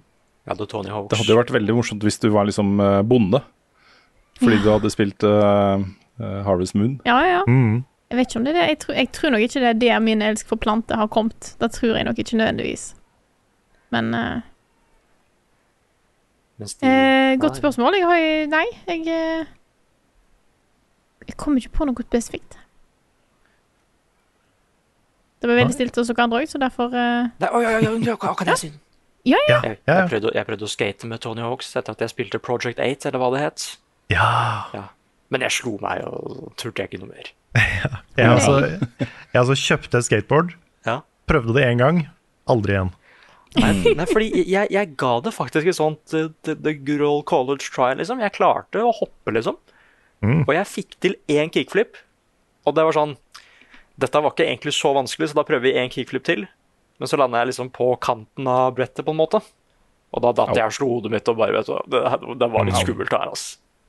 Jeg har aldri, jeg har aldri faktisk skata med fart, jeg har bare stått stille og gjort ting, egentlig. Um, men de to spillene som faktisk jeg føler, som du sa med Outer Wilds sånn, som var litt sånn life-changing Det første er eh, To the Moon, Ja. uh, hvor jeg var litt sånn Shit, jeg er nødt til å Jeg må få gjort alt jeg Jeg kan ikke liksom gå ut med regrets, liksom. Og jeg prøver Jeg må, jeg må liksom nyte Hva er det det heter? Hva er det det heter? Det er et spesielt ord for det. Eh, at jeg må lære å leve, men også ta noen sjanser. Men også være litt Jeg holdt på å si kar, carpe diem, liksom. Uh, Mm, mm. Ja. ja, litt sånn. Uh, og det, det andre spillet som også gjorde det, og jeg føler jeg har snakka om dette spillet hver eneste podkast jeg har vært her nå, det er jo Before Eyes, liksom. Det handler om mye av det samme. Ja. Bare at, ja, Hvis Mm. du kan se hele livet ditt i revy og sånn, bare hva, hva var egentlig de viktigste tinga du gjorde? Hæ? Mm. Shit, kanskje jeg har jobba litt mye. Kanskje jeg bør fokusere på litt andre ting.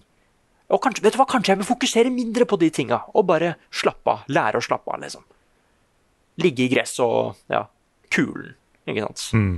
Nei, så det har Ja, det er sånne ting som jeg faktisk liksom Hva gjorde de i To the Moon eller Before Eyes?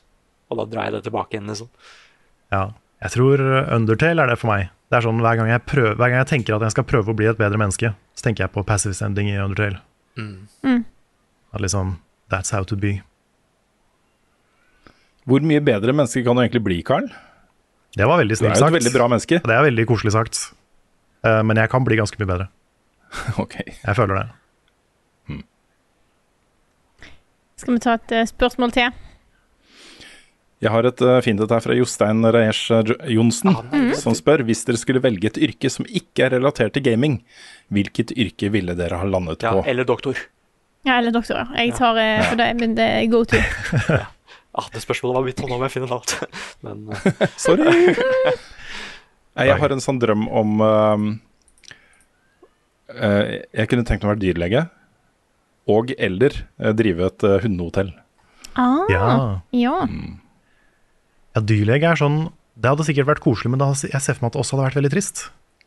Ja, men du hjelper jo disse dyra, ikke sant? Ja. Og du Ja. um, hjelper eierne som er så glad i disse dyra. Mm. Jeg bare tenker at det er litt som å på en måte være Det er, det er litt som å jobbe på et eldresenter, tror jeg. At liksom du, du, du er veldig empatisk, og du spiller en kjempeviktig rolle i livet til folk. Mm. Men det er veldig tungt, Mm.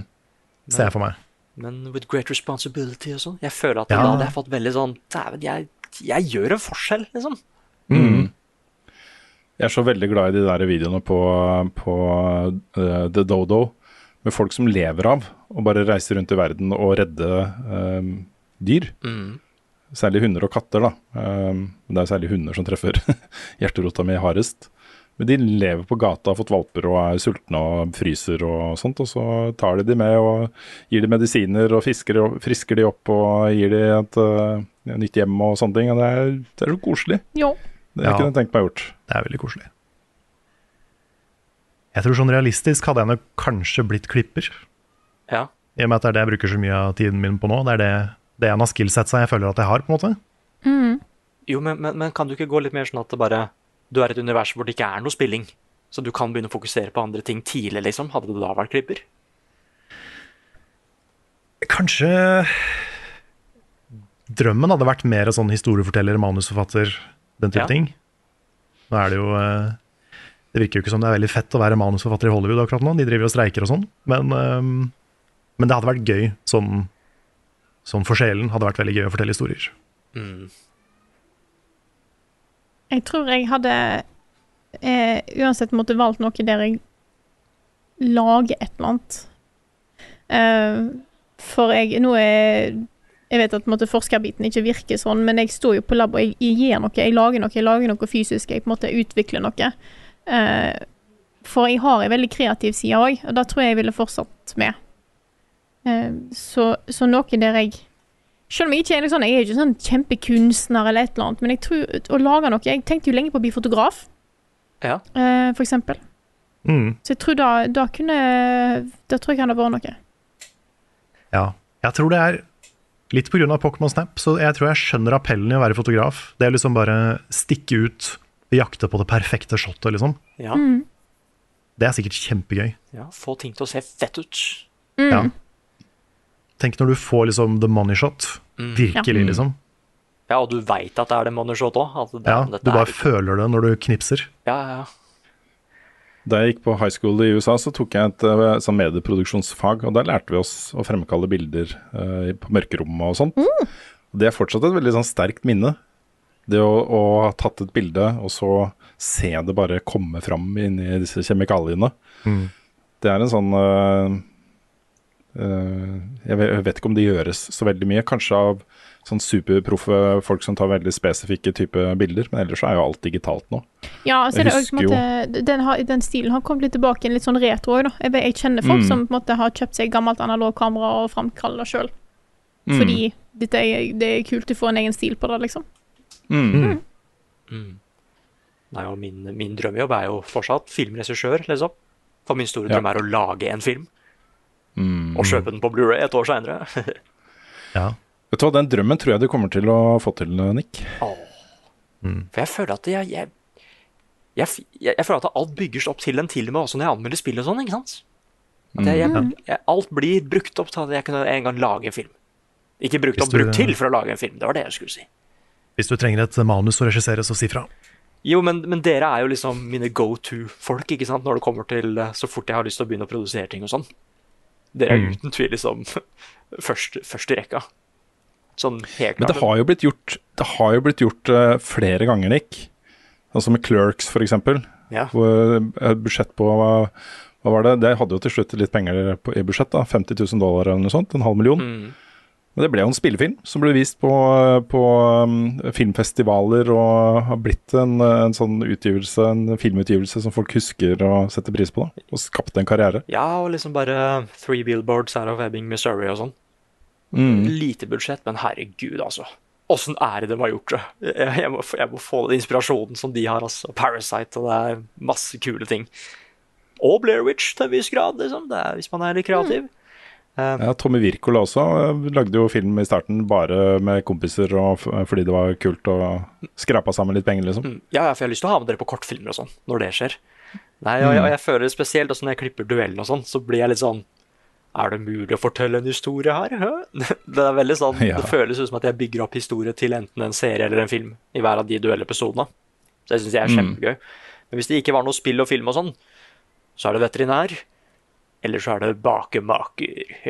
Så, så, sånn Mm. Konditor uh, Egentlig bare bake, liksom. For jeg hater å lage mat, men jeg elsker å bake. Du kan legge til sånn gul konditorfarge i alt du baker. Ja. Ja. Mm. Det, Så har du bare gul bakst. det verste er at det, det hadde vært litt kult. Ja. For jeg, jeg føler, Til og med når jeg ser liksom en gul kake, så blir jeg i veldig godt humør, for den smaker godt. Men den gjør jo det. Den er, den er så gyllen og sånn òg, ikke sant? Det kan være så Mm. mye. liksom. Det er masse gode smaker og sånn. Nei, så ja. eh, Veterinær eller kakebaker. Baker. Jeg må nevne da at eh, hvis jeg kunne valgt yrke, så hadde jeg valgt det yrket jeg har. det er jo eh, står jo på førsteplass fortsatt. Mm. Så Ja, samme her. Jeg føler jeg har klart å få tak i best of both worlds. Hehe. Mm. mm. Det hadde vært gøy å lage et spill en gang òg. Vært liksom på et spillutviklerteam Mm. med mye kreativ frihet og uh, kontroll over hva man lager. Ja. Det hadde vært, hadde vært veldig gøy. Men, men hva er drømmene deres? I disse er- stillingene her, liksom. Ja, liksom bare sånn, sånn generelt. Det er egentlig å fortelle historier, for min del. Ja. Uansett uh, format. Mm. Gir en forskjell. Ja. Og det kan gjøres både med liksom spilljournalistikk, men òg forskningsbiten. Kult. That's a good dream. Jeg vet ikke. Jeg får mindre, færre og færre drømmer. Det er mer sånn Mareritt. Eh, Nei, men det er mer, mer um, Jeg er veldig opptatt av uh, altså hvordan man behandler folk rundt seg, og, og hva slags fotavtrykk man uh, setter igjen, da. Um, det, det, der har jeg trådt feil noen ganger, jeg også, men um, det er i hvert fall uh, noe som preger hverdagen min ganske mye, da. Et, det ønsket om å, om å um, ja, se tilbake og tenke at det har vært ganske OK. Mm. Jeg er også litt sånn Jeg merker jo at jeg har blitt mer opptatt av at eh, eh, Når jeg snakker med litt yngre studenter og sånt, så er det noen som sier at liksom at de har lyst til å tjene Lurer på ja, hvor en kan få litt sånn eh, prestisjetunge stillinger og tjene en del penger og sånt. Men jeg merker at for meg så handler det Jeg, vil, jeg er så mye mer opptatt av at jeg skal ha en behagelig og fin arbeidshverdag. Mm. Og gjøre noe jeg trives med, eh, og kan gå hjem og ha et liv utenom i tillegg. Så den balansen der er kjempeviktig for meg. Og da faktisk trives. Ikke Mm. slite meg i hjel. Ja. Det er øh, Det er vanskelig. Det er ikke Mm. noe man kan ta for gitt. Nei. Det er ikke det. Skal vi ta et eh, siste spørsmål? Vi tar et siste spørsmål. Skal vi ta sommerferie? Mm. Yes. Mm. eh, spørsmål, Et bonusspørsmål fra Jakob Skrede Langedal, som skriver Påvirkningen sosiale medier har på konsentrasjonsevnen vår, er kanskje det som skremmer meg aller mest med sosiale medier. Denne frykten er alene grunnen til at jeg ikke tør å installere apper som TikTok, same, og holder meg langt unna hver gang en app prøver å få meg til å se på reels. I det siste har jeg lagt merke til hvordan oppmerksomhetsspennet mitt påvirker spillevanene mine. Jeg må oftere ha på YouTube-videoer, podkaster eller dokumentarer eh, på i bakgrunnen for å ikke bli rastløs når jeg spiller spill som f.eks. Tears of the Kingdom. Har dere noen tanker om hvordan sosiale medier og konsentrasjonsevnene har påvirket deres egne spillevaner? Og så tar jeg bonusspørsmålet etterpå. Det kan vi ta etterpå. Ja. Den frykten deler jo jeg også. Ja, samme her. Um, og det Nå skal det sies at jeg har ingen problemer med å spille Tears of the Kingdom uten uh, å ha noe annet på i bakgrunnen fortsatt. Det er fortsatt uh, lett for meg da å bare dykke ned i, i spillverdenen på den måten. Og filmer og TV-serier. Um, men uh, det har påvirka konsentrasjonsevnen min på andre måter. Altså bøker, f.eks. Mm. Det sliter jeg med å lese nå, altså. Jeg, Ja, eh, det er uh, ikke bra. Nei, jeg merker det veldig likt sjøl. Jeg, eh, jeg eh, Det har påvirket meg enormt. Nå har jeg brukt sosiale medier, men ikke nødvendigvis sånn på en måte Instagram og sånne ting så mye. Jeg har brukt det litt, selvfølgelig, men jeg har på en måte alltid hatt Vært mye på telefon og internett og sånt. Jeg merker da, jeg liker ikke å si det, men at når jeg spiller Tears of the Kingdom, eksempel, med en gang det er en cutscene, nei, ikke en cutscene, en gang det er en loading screen, så tar jeg opp telefonen. Jeg har Det er liksom den, det Jeg gjør det automatisk, og jeg liker det ikke i det hele tatt. Og sånn sett er jeg egentlig litt glad for at min Reddit-app legger ned i morgen. Av at det har vært endringer i Reddit sin måte å styre på, som gjør at disse appene som fungerer bedre enn Reddit sin egen, nå er nødt til å stenge ned. Det vil si at jeg mister Reddit i morgen. Oi. Ja. Og da har jeg kjempegodt av. Jeg har Mm. så godt av det. Eh, og det kommer til å bli litt rart i starten. Eh, og så tenker jeg at det kommer til å gå helt fint. Og så lenge ikke jeg ender opp med å erstatte det med å gå enda mer på Instagram eller Twitter eller whatever, og faktisk prøve å si nei, good. Jeg Mm. går ikke inn på den andre faner på Twitter, for eksempel. Det gjør jeg ikke. Der Nei. skal ikke jeg inn. Uh, Samme her. Ja. Da, jeg kutt, da jeg fullstendig kutta for you-sida på Twitter, så hjalp det litt, faktisk. Mm. Ja. Eh, jeg skal heller ikke ha TikTok. Det, det fikser jeg ikke. Jeg har litt omvendt problem av eh, det Jakob sier. Eller ikke omvendt problem, men jeg, jeg kan fint spille Tears uten å ha podkast på i bakgrunnen. Men jeg vil gjerne ha et podkast-spill, Fordi hvis ikke jeg har det, så får jeg ikke med meg podcaster. Ja, sånn, da. Ja, det er sant. Det er et poeng. Sånn, for jeg klarer ikke å bare høre på podkast. Det har jeg ikke oppmerksomhetsnivå til. Jeg må gå en tur.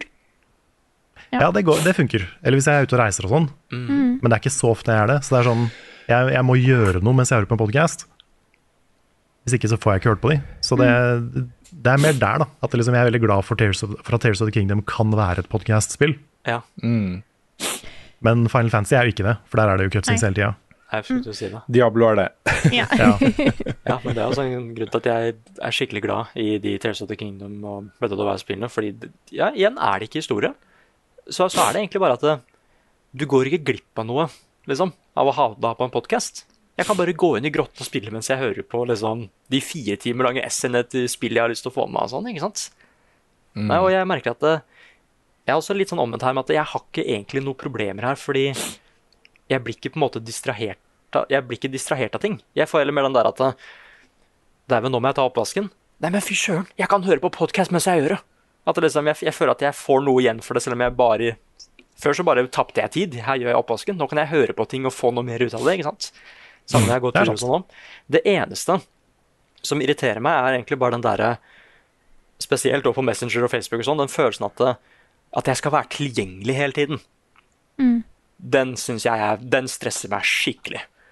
Ja. For jeg, jeg, jeg får skikkelig dårlig samvittighet på de hvor jeg bruker flere dager på å svare og sånn, men jeg er en sånn derre Shit, her ser jeg det er en lang melding, men jeg er bare ikke i modus til å svare. Og jeg kan ikke trykke på den for å se Mm. meldingen heller, for da står det at jeg har sett den og ikke svart. ikke sant? Mm, Så da bare, mm. ja, og da bare glemmer jeg det. Enten så glemmer jeg det, eller så bare sitter jeg der og bare Jeg er ikke i pratehumøret nå, ass. Jeg, og det da blir litt sånn Det var greit å ringe før hvis det var viktig, men nå får jeg masse meldinger om andre ting òg, og jeg får dårlig samvittighet siden jeg er ikke en som sender mye meldinger. Den personen som fant opp den der sett ikke svart-funksjonen, Ja. ønsker jeg veldig lite positivt i livet. Ja, fy søren, ass. Jeg lurer på hvem det var. Ja. Det er Det er så sikkert en konkret person. ja, det, er ikke, En faktisk person. det, er litt, det er litt utfordrende å være langt ute på introvert-skalaen i, en- i et sånt samfunn. Mm. Jeg er veldig jeg- glad i å være tilgjengelig, eh, men jeg for min egen del har endt opp med å skru av all lyd og vibrasjon på telefonen min. Eh, det har vært veldig behagelig. Det gjør at Mm. jeg ikke får med meg når foreldrene mine har ringt, og så ringer jeg de opp igjen i ti minutter, kvarter, halvtime senere. Men det er utrolig behagelig. Mm. Mm. Jeg tror det kommer til å bli mye både systemer for det, og så faktiske innstillinger du kan gjøre i smarttelefoner. Hvor du lager et, et, et regelsett da, for når du kan bruke det, hvor ofte og hvor mye og sånne ting. Det fins jo allerede, da. Eh, Men det er på en måte litt låst i sånn foreldrekontroller og sånne ting. så, eh, men men jeg, jeg, jeg begynner seriøst å vurdere liksom en litt sånn selvpålagt uh, struktur på det. Hvor, uh, hvor eh, den, eh, jeg bytter ut smarttelefonen med en telefon som bare kan sende meldinger og ringes med. Eh, og at smarttelefonen er mer sånn at jeg kan bruke det i en halvtime sånn og sånn der og da i visse perioder. Og i visse perioder på døgnet så skal jeg ikke bruke den i det hele tatt. Eh, Jeg har lyst til å teste ut det og se hvordan jeg kan liksom påvirke hvordan jeg bruker sosiale medier, og hvor tilgjengelig jeg er, og hvor mye det stresser meg. da. Mm. For det er jo et stressmoment uh, for meg også. Jeg er jo en sånn som svarer ganske fort, som regel, på meldinger. Uh, E-poster som, uh, eh, som fremstår som viktig å svare på. Hvis jeg ikke har muligheten til å svare der, der og da, så kan det gå litt tid. Mm. Eh, men ja. Det er pop, det Det er et, et sånn derre konstant stressmoment, egentlig. Mm. Og så er det òg da at uh, en kan ikke stikke under stol at sosiale medier er jobben vår i tillegg. Det Mm, det er, er på en måte Jeg føler et behov for å følge med på hva som skjer på Facebook-sida vår, på YouTube-kommentarfeltet vårt, på Discord-serveren vår.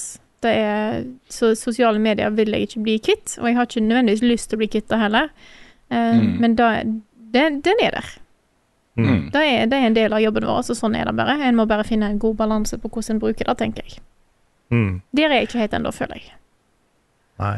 Jeg har, jeg har aldri gjort det, men noen ganger så har jeg hatt litt lyst til å legge ut den der standard som mange gjør på Facebook. Den derre Jeg hater ingen, jeg bare har ikke så mye sosialt overskudd akkurat nå. Det er sånn, Mm. den der Jeg lover at it's not you, it's me, liksom. mm. Facebook har jeg mer eller mindre slutta å bruke nå. Ja, det, er altså, Sånn det. Facebook, det var bare et eksempel, men sånn for å, Mm. for å kommunisere det til verden. på en måte. Mm. Ja. Nei, det var uh, Ja. Skal vi ta det siste delen Vi av spørsmålet? siste Avslutte på litt sånn opptur. Yes. Mm.